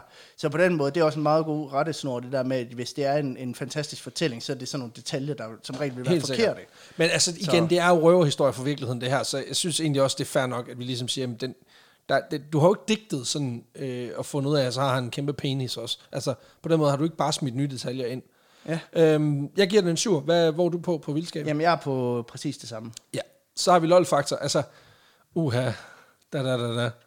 Altså, der er sgu mange gode. Altså, også bare, altså, det stakkels menneske. Altså, ja. Ja. tænk sig at få knibbelsuppe i 12 år i streg. og så engang, det er jo ikke engang, altså jo, han køber, han køber et, et fedt hus i London og et fedt hus i, i Sydfrankrig, men, men det er jo ikke sådan, han lever den jo ikke op. Nej, han er nej. jo så indest, altså, så på den måde, så- jeg synes bare, det er sådan, det er sådan tragikomisk, ikke? Jamen, det er det. Øhm, Og det er den bedste form for komik. synes det er jeg den, jo. så jeg, jeg er på noter, det vil jeg sige. Ja, altså jeg kunne godt være tilbøjelig til bare at stemme i. Øh, for jeg synes ikke, at det er sådan... Den er jo ikke haha sjov, men den... den Og det er der så alligevel, fordi det, du har jo skrevet nogle ret fine passager og givet den et, et, et ja, sat den i men en det er, jo, en- komisk det, er jo, ramme. en- det er jo en formting, kan man sige, ikke? Og det, jeg hørte dig sige, det er, at du vil ikke give dig selv højere karakter, bare fordi du synes, du er grineren. Ja. Ja, okay. Ja, det gjorde lige jeg. præcis. Ja, ja, præcis. Ja, okay. Okay, jeg vil godt give mig selv 8, så. Fantastisk. Så har vi jo uniqueness. Altså, jeg vil sige, når det inspirerer en af de største litterære værker i... Altså, okay, det er altid svært, fordi det, jeg tror helt sikkert, at der er nogen, der synes, at det er Alexander Dumas' bog er pisseliggyldig. Det er bare en af de store klassikere. Ja. Det må man bare erkende. Og hvis den har øh, eller, og når nu den har den signifikans, den har, kombineret med, at den kommer fra en virkelig historie, en rigtig fortælling, så bomber den den op. Det synes jeg også. Så jeg tror måske sådan i, i ren og skær uniqueness, der er jeg på en... Altså, den er, un, det, er unik, det er en unik historie. Nu kommer jeg- de argumenter, er jo egentlig mere på indflydelse, øh, reelt set. Jeg tror, jeg på uniqueness... uniqueness altså, der findes jo hævnplots og hævnhistorier igennem, øh, igennem verdenshistorien. Igen altså, synes jeg jo også, at det må... Det giver en lidt nyk ned af, at hvor- at det er svært at bekræfte alle detaljerne. jo, men alligevel, øhm, altså længden, det skal du bare... Altså det der med, at man, at man ja. er så hævngav, at man holder den i buksen i så mange år, for så at sige, "Haha, it's a me. så der, der- jeg vil sige, for mig, det er en sekser. Ja. Jeg vil godt give ham 5. Ja, det er fair. Ja. Det er altid sjovt, fordi når du Og giver mig... det, en- det, det er fordi, jeg er enormt svær ved at finde ud af, om den skal, den skal højere eller lavere end 5, og så tænker jeg, der må 5, det må være sweet spottet. Det er sjovt, fordi hver gang du giver en lavere karakter på en historie, du har lavet, ja. så er jeg sådan lidt, ved han noget, jeg ikke ved? Men det kan jeg jo ikke, det kan jeg jo ikke lade mig, lade mig øh, påvirke af. Indflydelse, det er jo der. Altså, den, den, den ja. Ja. inspirerer de største øh, hvad man siger, litterære værker på, øh, i hvert fald i sådan klassisk litteraturhistorie. Mm. Så jeg vil sige, jeg er på en, jeg er på en, jeg er på en, på en femmer igen. Fordi, altså igen, det er ikke sådan, ja. at den har ændret vores måde at gøre ting på. Men mindre, altså jo, altså jeg har da fundet ud af hævn, det, Ja. It's a Der vil, dish jeg, der vil jeg best til gengæld served godt give, øh, a long, give den time, for a long 6, time. fordi at, øh, det er en bog, der fylder ret meget i litteraturhistorien, tror jeg. Ja, Øhm, så det synes jeg skal tælle lidt op. ja. Men igen, også, altså det, det er lidt sjovt med, med øh, Greven af Monte Cristo, som jo også er skrevet i, der i, i 1800-tallet engang, ikke? Øhm, altså inden at de her øh, historier øh, rigtig kom frem i offentligheden. så så man det har er også tænkt- sjovt, hvor meget for, den her fortælling, der er blevet påvirket af Greven af Monte Cristo, som ja, Ja, kom det, bag. det, det, vil være, det vil være ivd at tro, være naivt at tro, at de her arkivarer og de senere forfattere ja. af de andre bøger, at den anden bog ikke har, har læst Greven af Monte Cristo. Ja, fordi det er der, historien blev nævnt i appendixet. Den blandt er, andet, ikke? ja, præcis, men formentlig er... Jo, jo, men, men jeg tænker også... Ja, ja fordi hvad, hvad har inspireret hvad? Det er jo, det er jo også svært. Ja, Om det, ja, ja, og nogle gange så er det sådan, så påvirker det jo lidt hinanden på Det er en jo eller anden måde. det. Måde, Ikke? Øhm. Jamen selvfølgelig. Og så har vi jo Extra Spice, og jeg synes egentlig ikke, der er så meget sådan at sige, fordi for min skyld, i min optik, så er det en 10'er. Jeg synes også, det er en spicy dreng. Så Ja. jeg vil godt give den 10. Ej, jeg, jeg, giver den, jeg giver den 9, fordi, fordi der, er så, der er lidt usikkerheder omkring motiver, som, som er det, der gør den sjov. Ja. Ja. Altså det er det, igen, der, de gode detaljer, jamen dem ved vi ikke 100%, så derfor trækker jeg den lidt ned, så jeg er Ja. ja. 9. Ja, jeg, vil godt, jeg vil godt give den 10, men det er, fordi jeg elsker den Nattergale. Ja tak. 71 på vandhedsbarometeret til øh, The Real Count of Monte Cristo. Det synes jeg er fair, og jeg vil- tænker også, at jeg vil... Den ville have ligget højere, hvis det havde været nemmere at bekræfte den. 100 procent. Øhm, ja, ja, fordi så var der i hvert fald to, to parametre, hvor ja. Ja. vi havde scoret den øh, noget højere. Og det var jo sådan set ordene, sådan set. Øh, ja. Men jeg synes lige, vi skal huske at nævne her til sidst, at øh, vi kommer ud i landet over den, øh, den kommende stykke tid. Vi skal til Bornholm lige om lidt, I næste weekend, I næste den weekend. 20. august. lige præcis, og optræde på øh, Wonder Festival. Vi kommer til at optræde på, øh, på Aarhus Musikhus. Ja. Der er, jeg tror, jeg var inde og tjekke, der er en billet tilbage, eller sådan noget, da, da jeg var inde og tjekke i dag. Så øh, Jeg, jeg tror, øh, siden siger der er udsolgt. Ja, og Det præcis. er, fordi at de der ene billetter... Altså, der, der er vist sådan en billet i midten. ja. Så, øh, Så så hvis du øh, har lyst til at sidde smackdown med alene dem, med en gruppe af mennesker, så, med dit menneskehav. Ja. Så respekt til dig. Ja. Øh, vi kommer også til Odense, det gør vi den, øh, den 20. november, Ja. så, øh, og der er stadig billetter, så, øh, så giv det et skud. Og så ved jeg, at vi er i gang med at konfirmere det sidste i forhold til et show i Aalborg. Yes. Øhm, også i slutningen af året. Vi, mere om det, når vi, når vi ved mere. Ja. Øhm, ellers så er der jo ikke andet at sige tusind, tusind tak til dig, fordi du lytter med. Tak til alle jer, der dedikerer jer kontinuerligt til Mhm. det mm. her projekt. Både jer i, øh, i fangruppen, som øh, bliver ved med at, at, at dele indhold, der er podcast-relateret. der er sådan nogle gange mere eller mindre perifært relateret Ja, til præcis, podcast. men det er fucking grineren, og vi er, vi er, vi er Ja. ja. vilde med det. Øhm, vi vil lige hurtigt plukke, at vi har lavet noget nyt merch. Ja. Fordi, øhm, jeg vil godt sige by popular demand. Fordi jeg, der jeg har synes, været, det er røvfedt.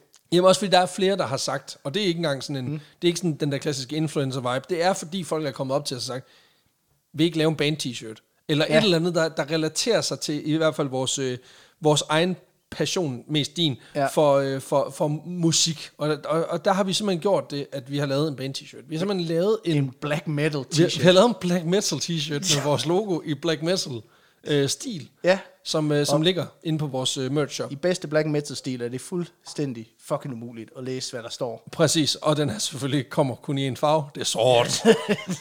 og det synes jeg også er grineren.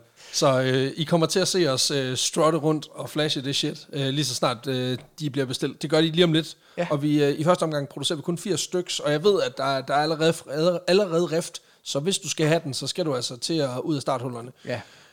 Det var sådan set ordene. Tusind, tusind tak, kære lytter, fordi du lyttede med til den her episode af Vanvittig Verdenshistorie. Hvis du kan lide det, så gå ind og giv det en masse stjerner i øh, din yndlings-app. Hvis der er noget, du synes er pestræls, så øh, skriv endelig til os. Vi tager stadigvæk, øh, vi, som vi ikke siger det så meget mere, vi tager så stadigvæk imod konstruktiv kritik, så hvis der er noget, du synes, vi kan forbedre, hvis der er en eller anden måde, hvor du tænker, dudes, mand, Ja. hold op med at sige skinkelyn hele tiden. Det er fucking ja. irriterende, når jeg siger skinkelyn. Altså, jeg får fucking grås der af det.